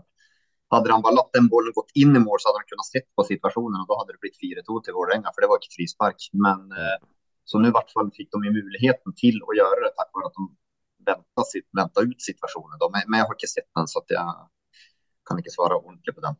Nei, for det er jo denne læringskurven til VAR, da. Og det tar oss egentlig snart over til en uh, liten break midt i runden her uh, om VAR. Men uh, er, det, er, det, noe du har lyst til å tilføye rundt kampen, Thomas, fra det du satt igjen med i går, før vi hopper Ja, jeg syns jo, jeg syns jo Ja, Ruud, at han viser seg fram, er jo gøy, men jeg syns jo Diogo Thomas òg da er jo legende i den han er jo en ordentlig eh, profil, altså. Skikkelig kultfigur blitt.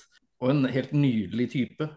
Vi hadde med han i Jeg er med i noe som heter eh, Grenland Sauna Armada. Vi har badstue en gang i uka.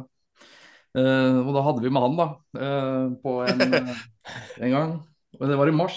Og da, da går han bare ut. Trasker ut i det iskalde vannet. Det er sikkert fire grader. Setter seg ned, og så sitter han et kvarter og mediterer. Liksom. Og så kommer han inn igjen. Like kult. Så det er han, han, der, altså. Han håper jeg vi signerer videre og, og får med oss videre. Selv om han gjør noen spinnville ting innimellom. Men uh, han er jo så kul. Skal spille podkast fra badstua med Diego og Thomas. Den, ja, uh... Nå bor han i campingvogn, da. Uh, så da ja, så lenge, så lenge han har 4G eller 5G, så skal vi få det til, vi. Så, ja. men, du må følge eh, han på, på, Instagram, gjør du det, eller? Diluberry. Jeg må følge Anbefales. Ja, Det er tips til alle som hører på også. Så skal vi inn og følge Diego Thomas eh, på Instagram. Men nå må vi bare ta en liten break på runden, fordi eh, det har vært mye snakk om VAR så langt i sesongen.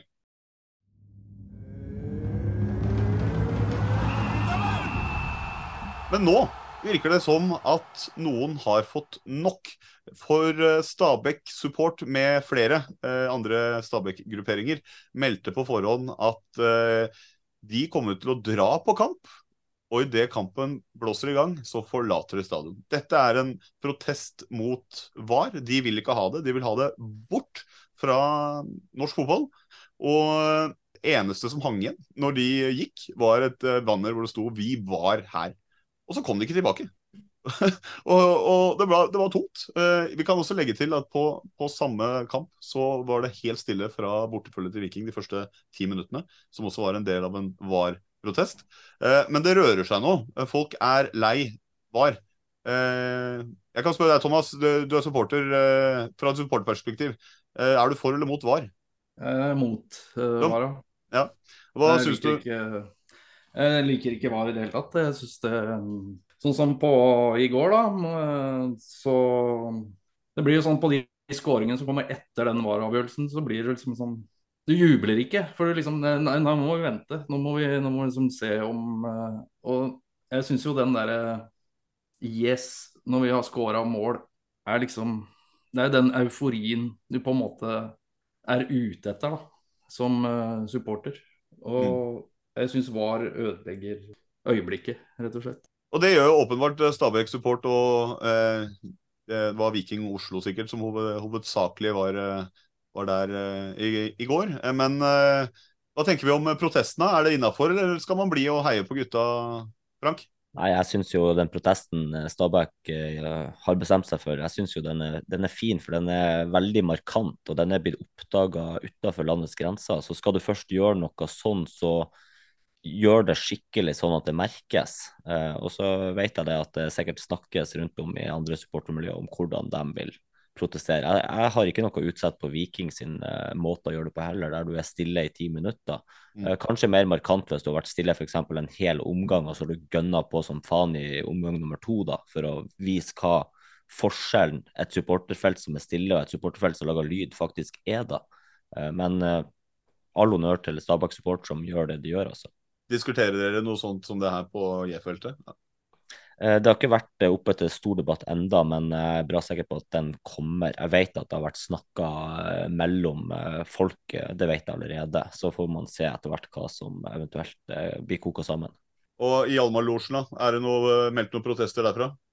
Nei, litt, jeg tror vi er litt sånn delte, faktisk, i mm. meningen om vår. Men det er jo veldig mange Jeg opplever egentlig at det er litt delt. Det er ikke alle som er mot VAR, på en måte. Men uh, det er kanskje de som roper høyest, da. Uh, og jeg har vært en av de, jeg også, så jeg skal ikke si noe på det. Men, men, det er faktisk en del folk som syns at VAR er ålreit mm. også. En av de som ikke syns VAR er ålreit, det er deg, Jonas. Du har venta tålmodig nå. Ja, altså, jeg har sagt nok om VAR tidligere, så jeg trenger ikke å si så mye der. Men jeg har ikke vært på så mange kamper ennå med VAR i bruk. Men det fikk jeg oppleve mellom Rosenborg og Tromsø og på tidligere, når eh, laget skårer, så kaster du kanskje et blikk bort til linjemannen, så ser du at flagget er ned, og så jubler du. Det tar ett sekund. Når Rosenborg eh, eller Sæter satte inn 1-0 mot Tromsø, så ble jeg sittende. For jeg var sikker på at det var offside. Så kan man si at ja, da hadde du en idiot som ikke jubler. Men jeg var sikker på at det der er noe som VAR kommer inn og tar. Så jo i repressen etterpå at det var, var, ikke så mye om å gjøre. Mm. Men VAR tok ifra meg den stadionopplevelsen på, på 1-0. Jeg så det var mange rundt meg som satt for det var flere som sa at det der er offside. Så um, det, det er jo det store minuset med VAR. da, og Det samme er jo når du ser kamp på TV-en. ikke sant, og du tenker at nei, her finner de et eller annet uansett. Så det blir sånn Du tør ikke å slippe deg helt løs. da. Og det, det, er mitt store problem med VAR. Eh, Jokke, hva, hva, tenker du om uh, sånne protester eh, uh, som Stabæk-support og Viking-supporterne, Viking Oslo, gjør? Hva tenker du om det når du ser det? Ja, det er stor forskjell på dem da, Vikings og Stabæk. Stabæk er veldig markant og det er jo, Jeg vet ikke inte om de fortsetter med det eller hva de gjør, men det er jo noe som kommer i ekko. Det, det gjør det jo både inn her til lands och sikkert i våre nabo, naboländer eh, også. Så jeg har forståelse for det med VAR, for det dreper jo spontaniteten og den spontane gleden. Eh, det gjør jeg også. Jeg er bare redd for at det er noe som eh, ikke vil forsvinne fra, fra arenaen, og det vi dessverre må ta det i bruk og har i bruk. Så jeg, jeg er redd at det er forgjeves. Jeg, jeg er det, men det er sterk kost av, av Stabæk, naturligvis. Du er imot VAR? Jeg, må, jeg, jeg, har ikke, jag hører vel till kategorien som ikke har lagt noe energi på det. For att jeg tenker at det har kommet. Det, det finnes det bare Sverige som ikke har det nå. så er det just överallt overalt. Og, att at det då skal forsvinne og tas vekk, det, det, klarer jeg ikke å se. og då, jag har nok å legge energi på noen problemer i, i, i livet mitt, heller på si. Så att uh, I hvert fall Vålerenga-livet. Så att uh, og sikkert generelt då. Så att jeg uh, har ikke lagt noe energi på det der. Det, det, det, jeg tror det kommer for å bli. Vi hopper til eh, kampen også. Eh, Stabæk-Viking det ender 0-1. Eh, Men det kunne sett annerledes ut, hadde det ikke vært for VAR. De griper inn på Høgs ja, kall det annullerte scoring, hvor det er noe bruk av hånd som VAR velger å ta. Og på overtid så er det Birker Bjarnason som sikrer en vikingseier. Frank? Jeg har sett at det er lov å bruke hånda på Nadderud tidligere. Det var jo det her volleyballslaget til Bakenga, så jeg ble overraska at de tok den der. Ja, eh, veldig merkelig. Men eh, uansett uh, et eh, knallsterkt resultat for Viking å dra inn den på overtid der. Og de klatrer opp på, på andreplass. Stabæk nå med seks på rad uten seier. og da faller man jo nedover på tabellen. Da. Jeg kan spørre deg, Jokke. Du har kanskje blitt spurt litt om nedrykkskamp og sånn i siste, men kan det bli nedrykkskamp på Stabæk, da? Sånn som det ser ut nå?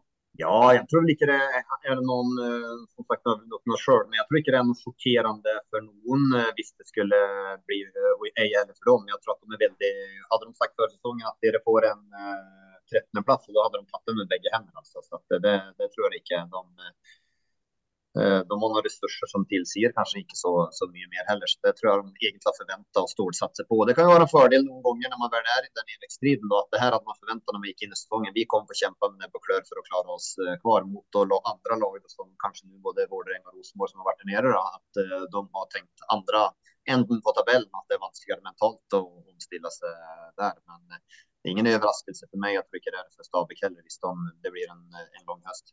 Jeg er bare, Hvis jeg skal skyte inn fra mitt perspektiv, så når man holder med et lag som sliter i bunnen av tabellen, eh, så eh, er det alltid greit å se at noen andre også begynner å slite litt. For det gir litt håp om at eh, hvis vi bare kommer oss ut, får en god steam så, så Men det tror jeg som supporter så kan du ikke tenke når det er i fotballen, kanskje. Men jeg, jeg får med meg litt oftere da, når Vålerenga sliter. andre lag som gjør det litt dårlig. Da ser jeg litt rundt der, da. Hva, tenker du, Thomas? Kan, kan det her bli en potensiell nedrykkssesong, eller har du mer tiltro til Stabæk? Jeg har ikke ideen. Nå har jeg sett svært lite av Stabæk, egentlig. Men øh, jeg tror egentlig Ålesund er helt ferdig. Og så alt over der er liksom Jeg føler at jeg føler fortsatt at vi er med i den der nedrykksgreia. Så så jeg håper vi vinner til helga. Ja. jeg håper jo ikke det, på ingen måte. Men uh, uh, Viking, da, hvis vi skal si noe kjapt eh, der, Jokke. Andreplass var kanskje ikke så mange som så for seg at det etter det rotet de drev med i fjor, på slutten av, eller andre halvdel, at uh, vi skulle ha de på etter nesten halvspilt sesong på andreplass nå, kanskje?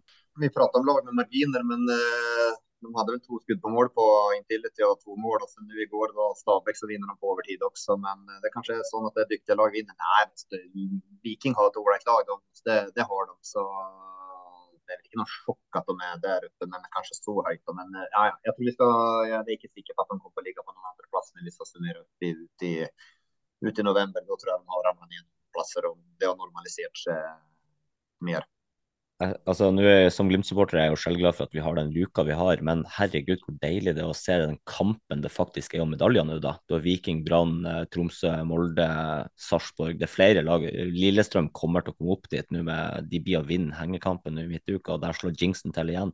Det, det, det, er deilig å se at det er såpass eh, kamp om plassene eh, opp på tabellen der. Og egentlig over hele tabellen, da. Men ja, som en som er glad i norsk fotball, så liker jeg at det er jevnt og spennende. Vi kan egentlig bare hoppe videre, for du nevnte jo det. Sarpsborg til dels også. De tok imot uh, HamKam, som definitivt har uh, rota seg inn i nedrykkskampen. Men uh, plutselig så befinner HamKam seg på trygg grunn over uh, Vålerenga på kvalik. Uh, det etter to strake seire, og klarer faktisk å, å slå Sarpsborg borte, 2-3. Eh, faktisk så, Såpass imponert ble jeg at jeg sa at eh, hvis eh, HamKam tar den her, så skal jeg omdøpe de fra Sarpelona til Sarpelusa i eh, podden med sine to strake tap. Så da må jeg nesten gjøre det. Men én eh, ting som vi legger merke til, eller som jeg legger merke til, at det er jo stort sett elleville fotballkamper når Sarpsborg spiller om dagen. Jeg vil bare ikke slippe helt på det her Stabæk-kjøret idet du tar inn det at HamKam møter Stabæk neste runde. Hvis ja. HamKam vinner neste runde, så er de A-poeng med Stabæk. Ja, ikke sant. Der ser du. Så det kan jo fort bli det. Men skal vi hoppe tilbake til HamKam eh, Sarpsborg, da? Ja. ja. Så hva tenker vi om eh, de elleville fotballkampene Sarpsborg leverer om dagen? Thomas, har du fått sett noe av disse når eh, det ikke har vært Odd som har gått, eller? Ja, jeg har sett uh, Jeg har sett HamKam mot Odd, da. Uh, eller så har jeg Jeg følger jo med, så jeg har, ser jo på runden og sånt nå. Uh, det jeg hang mest, meg mest opp nå, var det der varerøret der igjen. da, For der var det jo, tok det jo faen meg fem minutter eller hva det var, før, uh, før man kunne avgjøre om det var mål eller ikke. Uh, på den første der. Så det var det jeg liksom hang meg opp i der. Men uh, de Sarp er jo all in framover. Og det er morsomt å se på når det lykkes. Men, men de er kanskje men uh, hva, hva kan det skyldes, da? De var jo liksom eh, Sneik seg opp der, var i toppen eh, plutselig. Var det ingen som hadde sånn? Fikk kallenavnet Sarpelona, og så ryker Bonsu Ba. Kan det være noe med det? At det var viktigere for de? Eller hva tenker du, Jokke? Har du noen teorier om disse litt elleville kampene og variasjonene i resultatene til uh, Sarp? Ja, Bonsu Ba er det beste salget som har blitt gjort i norsk fotball noensinne. Han leverte OK, han altså, men det var vel så vidt målpoeng der, så jeg tror ikke det er nødvendigvis handler om da. Men det var, er det ikke her Sarpsborg spiller en veldig åpen fotball? Var det ikke samme i? At de hadde lange perioder når de eh, ikke vant kamper, så vant de mange kamper på rad. og Det er litt samme igjen. også. Så De spiller en utrolig åpen fotball og et rutinert i egen sånn pass rutinert lag. Så jeg syns de burde kunne stenge kampene bedre. for De spiller så åpent og, og, til tider naivt. så at uh, Men litt, mindre litt, så da, da ryker de. Litt mindre av naiviteten i år enn i fjor. I fjor så hadde de jo nesten ti kamper på rad der de uten, uten, seier. Og så kom de helt ned i sumpa der, og så snudde de det, og så vant de jo det som var igjen på slutten, nesten. Så, men i år så har de jo vært litt mindre naiv i frispillinga bakfra. I fjor så ga de jo bort skåringa med å slå rett i beina til motstander.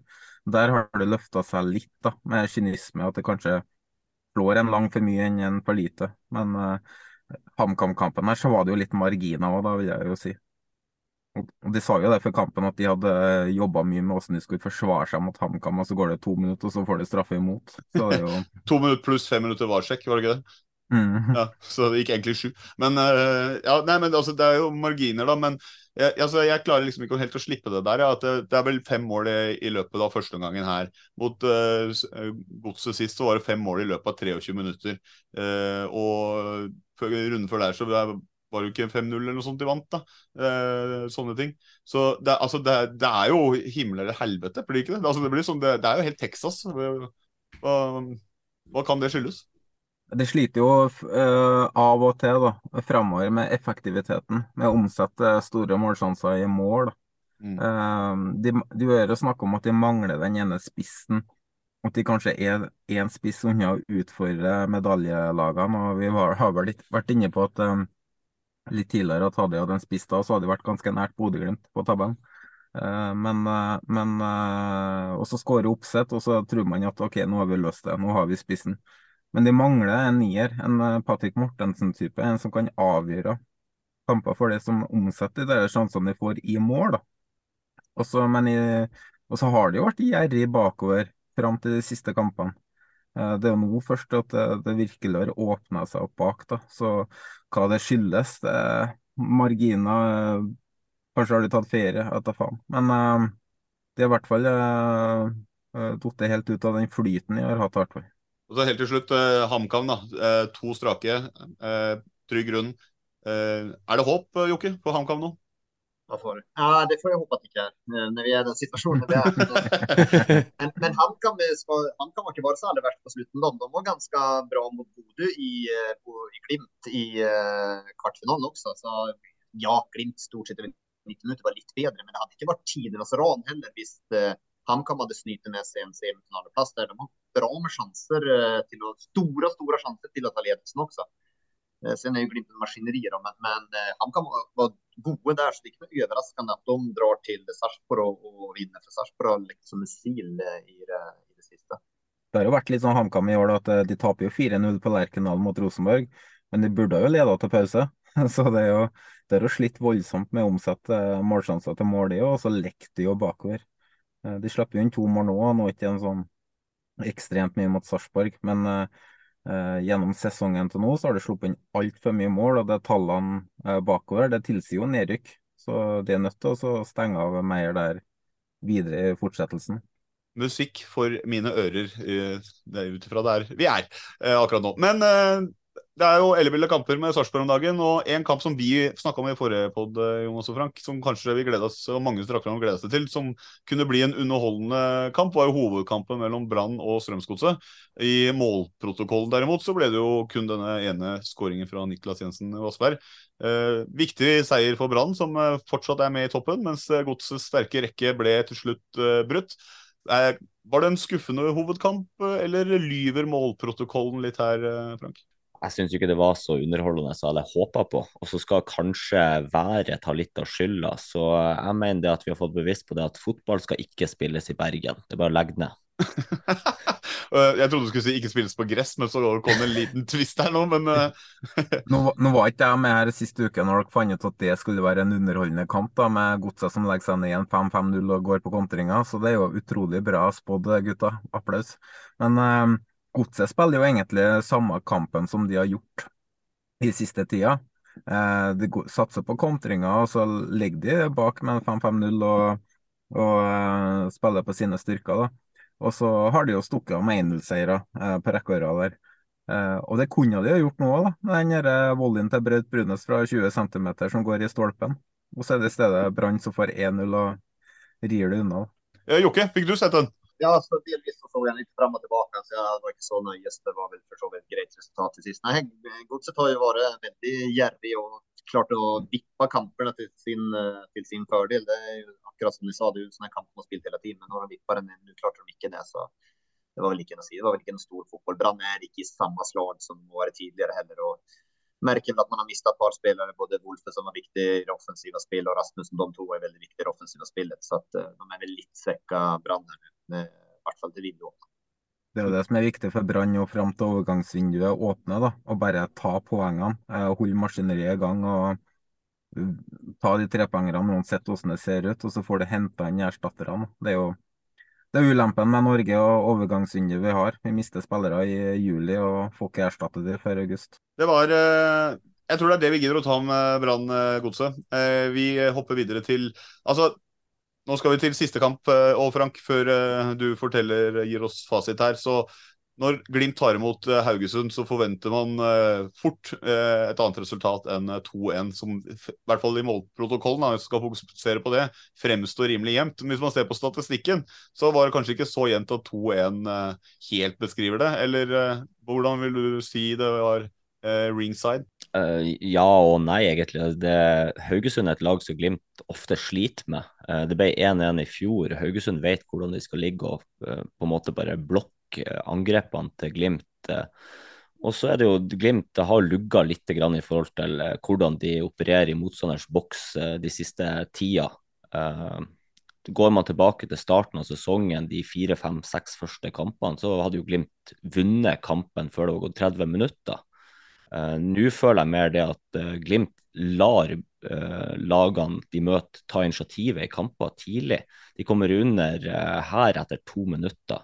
De ligger under 2-0 mot Molde med ti mann. De ligger under 2-0 mot Brann. De taper eh, egentlig fortjent mot Godset til slutt. Så det er rett og slett altså, Man kan jo se på det sånn at det er en mentalitet å komme tilbake når de eh, gjør det dårlig. da. De har jo ofte gode andreomganger nå, Glimt.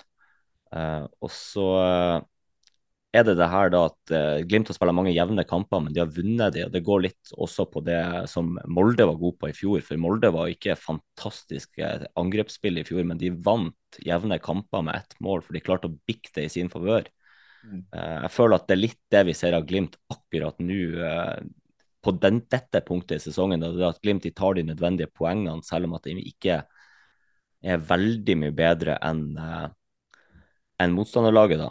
Uh, og så Det jeg vil trekke frem fra den kampen, her er jo, det er jo et par navn jeg vil trekke frem. da. Sondre Sørli, som uh, uh, Han får vel sin andre eller tredje start for sesongen. hadde jo denne langtidsskaden sin. Det er ikke en spiller jeg ville sagt at er god nok for å starte for et lag som skal kjempe om gullet, men herregud, for en deilig skoddspiller å ha og sette inn når det trengs.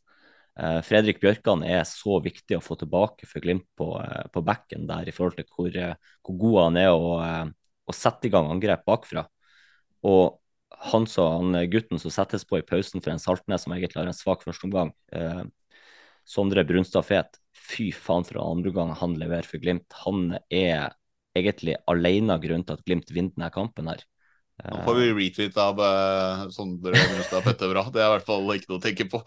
ja, nei, han, han, han, kommer inn med energi, og han, han løfter laget i den kampen her. Uten det byttet i pausen der, så hadde Glimt tapt. Uh, Jokke, hvor imponert er du av det du ser av Glimt om dagen? Nei, for Glimt er et maskinlag, det er jo ikke noe å si på det. De, eh, det er, ja, de har kanskje ikke vært helt fullstendig overbevisende, men man klarer å vippe kampen. De maler ned motståndarna så at eh, de er, de er gode. Men per nå så tror jeg at akkurat i dag så tror jeg at Molde er, er bedre form, er sterkere per i dag. Men, men serien er avgjort for, for lengst for, for Glimt, og så får vi se hva de det er Vetlesen er naturligvis eh, en svekkelse. Han var Eliteseriens beste spiller. Så at, uh, det er ikke bare å erstatte han, han heller, naturligvis. Men her Glimt imponerer.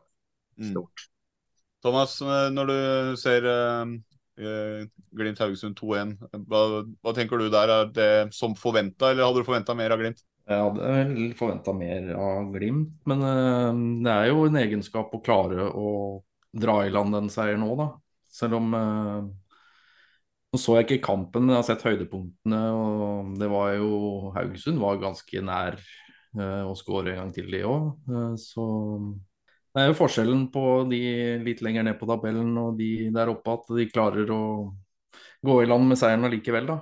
Så det er bare å bøye seg i støvet for det Glimt har fått de siste åra det er jo en vareavgjørelse der òg, så det viser seg jo at den er riktig offside. Men uh, det kunne fort stått 2-2 der, altså, for det er små marginer, egentlig. Hvis bare Stabæk-support hadde fått det som de ville, kan du si. Uh, men uh, det er kanskje ikke så veldig mye mer å si om den kampen, da? Eller Frank, hvis du, du, du, var jo der, så er det noe mer som skal trekkes fram?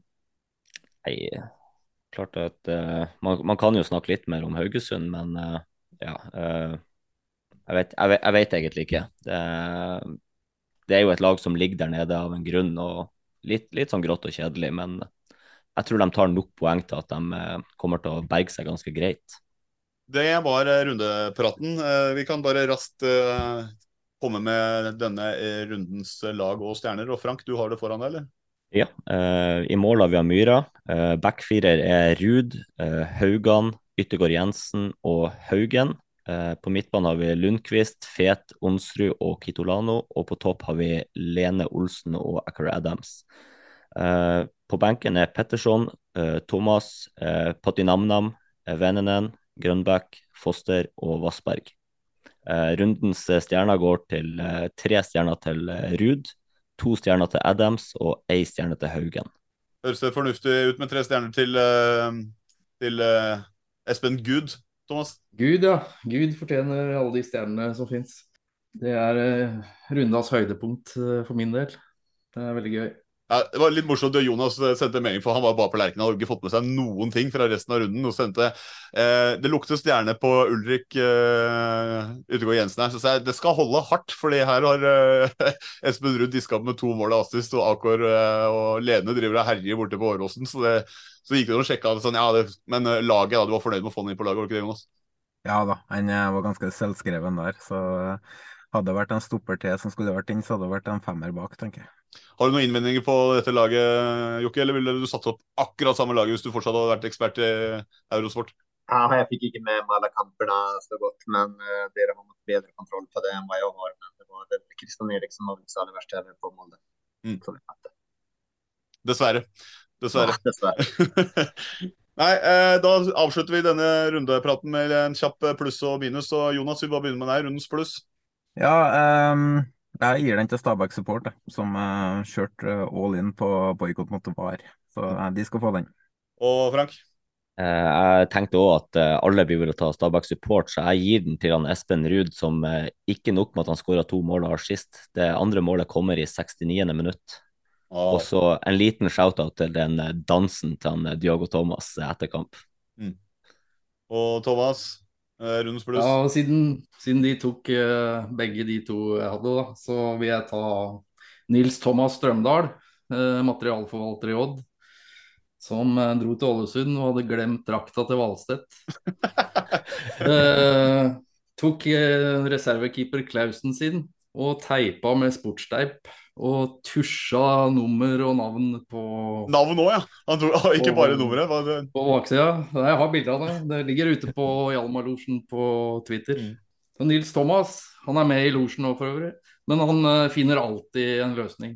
Og du Jokke, rundens pluss for deg? Ja. Ja, for meg blir det Østblokka som er helt vanvittig. For de har ikke opplevd mye medgang på hjemmebane i år. Det skal gudene vite. Litt borte har det vært OK, men hjemme har det ikke vært akkurat det. Så de er helt, eh, de er helt vanvittige. Altså. Det, jeg er så imponert så jeg kan ikke få sagt det. Så det er veldig enkelt, enkelt pluss for meg. Og der var alle plussene jeg har vurdert uh, brukt opp, så da tror jeg bare hopper rett til eh, minus, Jonas. Uh, jeg gir den til Sander Moen Foss, jeg også. Jeg kunne gitt det til Berisha, men, uh, men uh, Sander Moen Foss mot, mot Lillestrøm der, som har vært heftig linka til Viking, har jo sjøl sagt at hadde ikke han fått den korsbåndskaden i fjor, så hadde han fort kunne vært en spiller som har vært i Bodø-Glimt i dag. For eh, så ordentlig bra, bra ut før den skaden. Uh, Kommet tilbake. Uh, Starta første kampen mot Rosenborg. Har sett ganske bra ut. Et Sandefjord-lag som har slitt defensivt.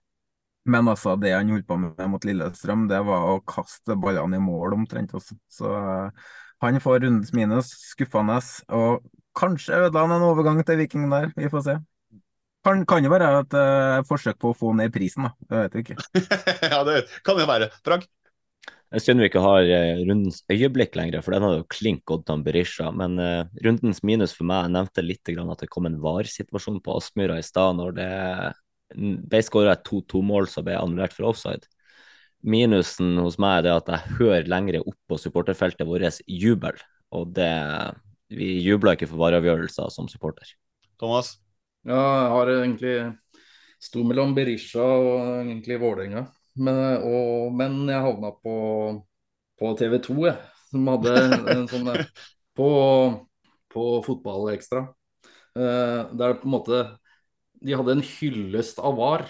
Så der de trakk fram eh, liksom, eh, eh, situasjoner der VAR hadde gjort det riktig i den runde her. Og så jeg liksom var egentlig framsnakka VAR noe veldig, da. Og så tar de jo ikke med de situasjonene som er kontroversielle, liksom. På den der Ålesund-kampen i sammendraget, så var ikke den, den var ikke med engang, denne, det målet. Så liksom Greit, uh, greit å balansere, altså. Men uh, du må faen meg ha med hele bildet, da. Det er ikke første gang eh, TV 2 får minus hos oss. De savna en jokke i mediebransjen. Spørs om det hadde blitt noen flere plusser eller minuser. Det gjenstår å se, altså. Men, uh, det har blitt meldt mye mer, i hvert fall. Ja, ja. Men Jokke, har, har, du noe minus, du, da?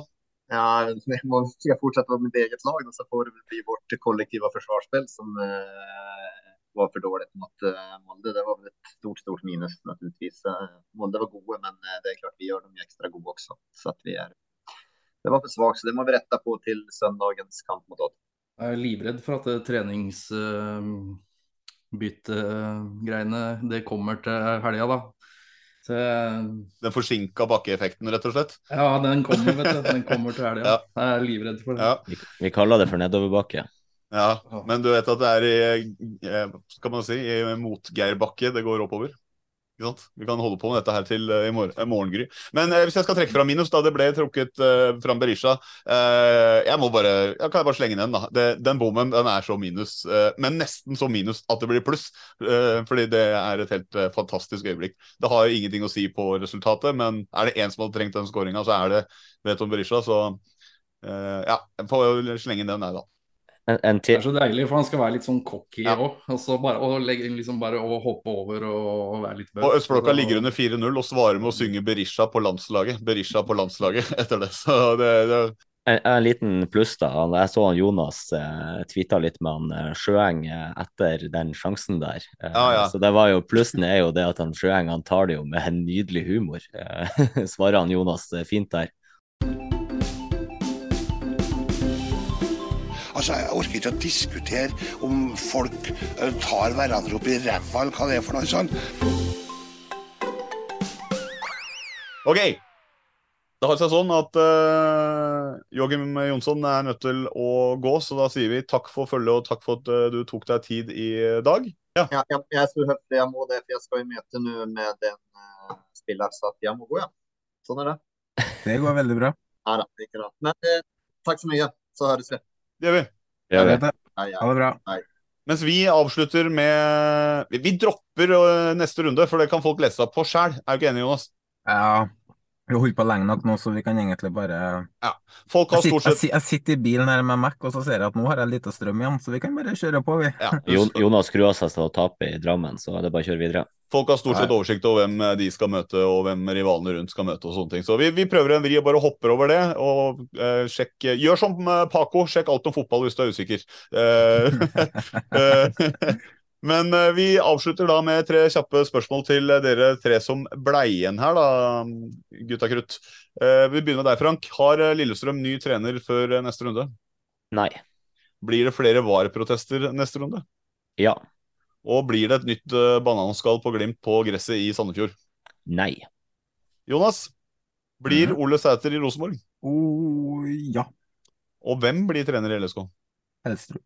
Og får Målen sin første borteseier på Marienlyst? Uh, ja. Og da, Thomas, resultatet i Skien på søndag? 3-2. Hvilken plassering kommer Odd på i år? Tok femte i fjor, da. Så jeg sier femte. Og er VAR kommet for å bli? Uh, ja, dessverre. Jeg er redd for det. Det var uh, tre kjappe. Og da er det tid for en aldri så lita ny spalte, som vi har valgt å kalle Jonas tar en Vidar. Men det er klart, jeg vil si én ting. Og det, det, er helt, helt utrolig. Nei, jeg skal ikke si noe mer. Nå er jeg kom, kom med det. så forbanna, så jeg ser rett ut. Og Jonas, hva går spalten ut på? Hvorfor har vi valgt å kalle den Jonas tar en Vidar? Først og fremst så eh, hadde vi jo funnet ut at vi skal ha en eh, sånn spalte, for jeg har jo ofte litt eh, mye på hjertet som må ut. Og da er det jo en spalte der vi skal gi noen ris, eller gi noen ros. Og så og var vi litt usikre på hva vi skulle kalle spalten, så vi kom fram til at vi kanskje skulle kalle han opp etter en tidligere fotballspiller. Og da passa det jo bra med Vidar Riseth. Altså Vidar Riseth, tidligere fotballspiller, eller Vidar Roseth. De gangene skal være ros.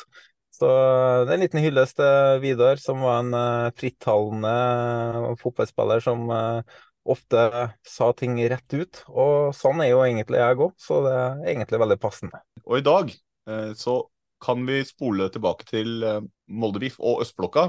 Østblokka eh, leverte gode vibes, men man har ikke lagt helt den SP-settet ut. Det var banner og sånne ting. Og Jonas, du hadde noen tanker der? Ja, for det har vært mye motstand fra supporterne mot SPZ og sterk misnøye med Tor Olav Trøim og styreleder Tuva. Um, rett før Bakke ble annonsert som ny hovedtrener for Vålerenga, så publiserte jo Tuva et bilde med Jokke, da, eh, smilende og glad. Gode vibber. For, for, det er jo det, virker, det, er nesten sånn at man tror at det er alt som skal til for at fansen snur, da. Men og Trøim eh, tenker sikkert helt han òg, for alt jeg vet. Um, ny hovedtrener, alt er good alle holder hender og forguder lederne og som gjør alt mulig for å hente hovedtreneren fra rivalen. Uh, så fornøyd var Tuva at du måtte gå ned på øst og ta en pils eh, til meg, men det funker jo ikke sånn, heldigvis. da. Uh, Vålerenga-supporterne er langt klokere enn som så. Og situasjonen er jo likens. Vibbene er bedre, men motstand mot Espeseth er jo like stor. Og de er nødt til å innse at han, det faktisk må gjøres noe der nå. For um, den motstanden som er der, den kommer ikke til å forsvinne og før han er borte fra klubben, i hvert fall. Og er det én ting Vålerenga faktisk trenger nå som klubb, så er det, at den, er det at klubben og supporterne trekker sammen i samme retning. Og da må lederne i Vålerenga, faktisk begynne å innse hvem som er den samlende eh, personen i klubben. Og akkurat nå så er det to personer. Det er Jokke, og det er Meran. Det er det, de som supporterne samler seg bak.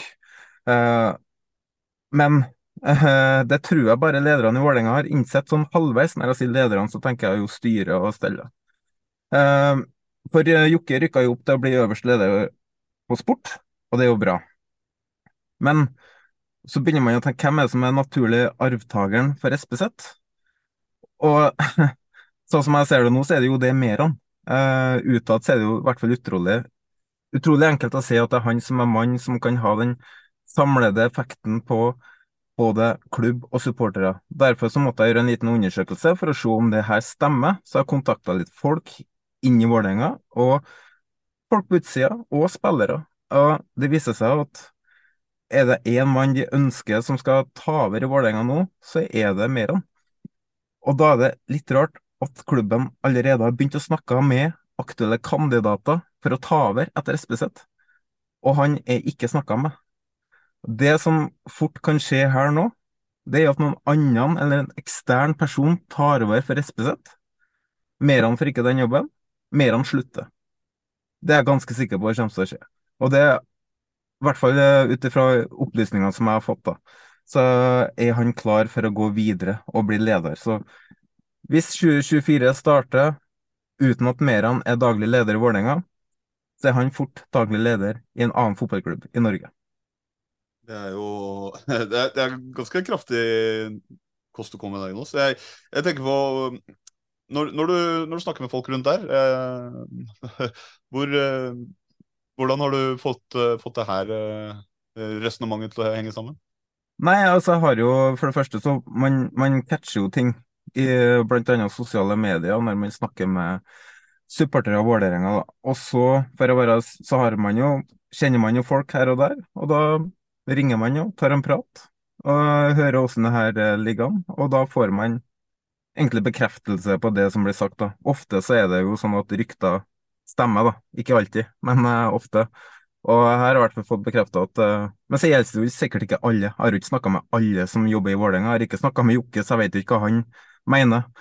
så det er jo Men, men det som er ganske sikkert, da, at hvis man tenker på supporterne sitt forhold til klubben, så er det ganske opplagt at Meran er den personen som kan ha den samlende effekten på, på um, supporterne. det har han jo allerede. Det har Jokke allerede. Um, og det har ikke SPZ. Og den motstanden som er mot SPZ nå, den vil ikke forsvinne. Det har vi jo sett i andre klubber òg, at det hjelper liksom ikke om Vålerenga skulle vunne ligaen, eller det hjelper sikkert på noen, men, men den motstanden vil være der hele tida. Og så er jo spørsmålet hvor lett er det Skal Vålerenga gi han sparken? Ok, han, Det ryktes om fem millioner i årslønn. Om det stemmer, jeg vet ikke. Da må han betales ut. Det er etterlønn. Det er svindyrt. Eh, gidder SPZ å stå oppi det her og få det trøkket på seg og dritten imot seg hver, sikkert hver jævla dag òg? Sikkert ikke. Men hvis han sier opp, så får han ikke den etterlønna. Så det er jo en ordentlig vond sirkel her, og konsekvensen av å ha ledere med veldig høy lønn, da. Mm. Hvis du skjønner hva jeg vil. Så man har en uh, man har en utfordring der, da, og jeg tror klubben er nødt til å få, få um, løst opp i det der før de kommer seg videre. Ja, det, du har holdt en liten sånn um, skjult for, eh, for meg her. Jeg, jeg, må jo si at uh, det eneste jeg kan si på vegne av meg selv, er at uh, jeg er veldig glad i Meran. Og håper selvfølgelig at han blir med lang, lang fram i tid. Uh, men nå er dette i ferd med å bli en veldig Vålerenga-pod, så jeg takker for en aldri så liten Jonas-rant og konkluderer med at Jonas elsker Vålerenga. Da er vi faktisk nesten ved veis ende og på slutten av episoden. Så da er det egentlig bare å takke de som takkes skal, da. Rett og slett, sånn som vi pleier å gjøre. Eh, først og fremst så må vi takke alle som eh, hører på, som sender inn eh, spørsmål og, og, innspill. Det setter vi alltid pris på. vi kommer ikke utenom Jesper Horten Kjernes og Vestfold lydstudio for jingler denne gangen heller.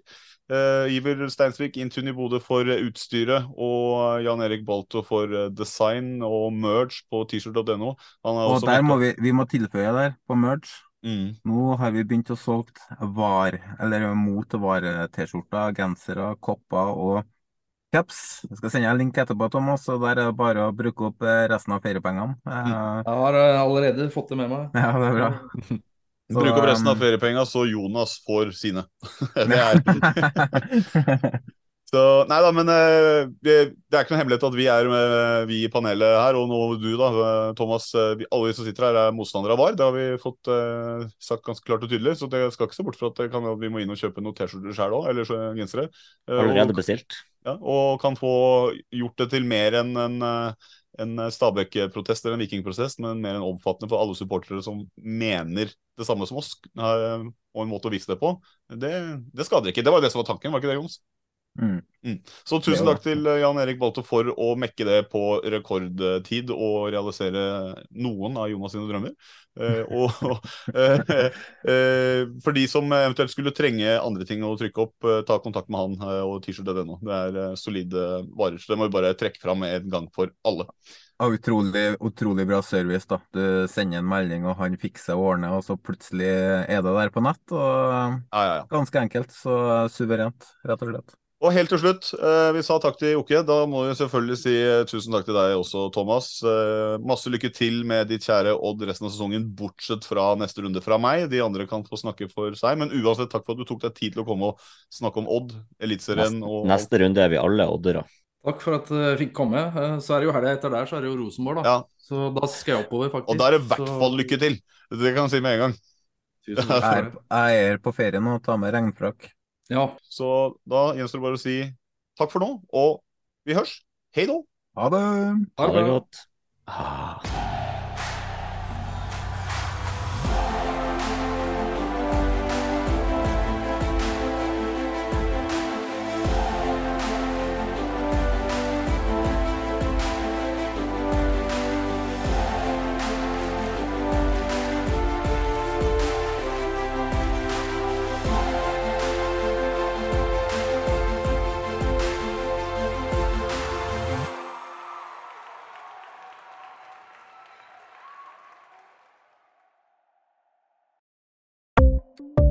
Ukens annonsør er HelloFresh. HelloFresh er verdens ledende matkasseleverandør og kan være redningen i en travel hverdag. Mange av oss har nok vandret i butikken både sultne og uten en plan for middagen, som ender med at vi går for de samme kjedelige rettene gang på gang. Middag burde være dagens høydepunkt. Som HelloFresh kan du nå velge mellom 25 ulike retter hver eneste uke, eller få HelloFresh til å sette sammen menyen for deg. Dette gir deg muligheten til å prøve nye og spennende retter alene eller sammen med familien. Du velger antall porsjoner og får alt levert på døren på et tidspunkt som passer for deg. Oppskriftene er enkle, og maten er lett å lage både for store og for små. Ved å få alt levert hjem får du også mer tid til å dele matgleden med familie og venner. Kanskje det frister med asiatiske tacos eller greskinspirert kylling? Da kan jeg anbefale deg om å gå inn på hellofresh.no. Her kan du bruke koden FOTBALL og få opptil 1779 kroner i rabatt på de første fem matkastene hvis du ikke har prøvd Hello Fresh tidligere. Du kan også bruke rabatten hvis du har vært kunde og stoppet abonnementet ditt for tolv måneder siden eller lengre. Gå inn på hellofresh.no og bruk koden FOTBALL. Ukens annonsør er Folio, en smartere banktjeneste for deg som har en egen bedrift eller ønsker å starte for deg selv. Folio er en superenkel nettbank for bedrifter. Som kunde i Folio får du en bedriftskonto med et bedriftskort og app. I denne appen er det smarte løsninger som forenkler regnskapet ditt, uansett om du har en liten bedrift eller et enkeltpersonsforetak. Folio er både intuitivt og brukervennlig, og er laget med et enkelt språk. I tillegg tilbyr de forutsigbare priser og ingen skjulte gebyrer. Skulle du likevel trenge det, så kan du snakke med deres raske og hyggelige kundeservice, og der får du prate med en faktisk person og ikke en chatbot. Folio er med andre ord både enklere og koseligere enn banken. Over 10 000 bedrifter har allerede valgt Folio som sin banktjeneste, så besøk folio.no og se hvordan Folio kan forenkle din hverdag også. Har du et enkeltpersonforetak eller en liten bedrift? Da er du sikkert lei av å høre meg snakke om hvor enkelt det er med kvitteringer og bilag i fiken, så vi eh, gir oss her, vi. Fordi vi liker enkelt. Fiken superenkelt regnskap.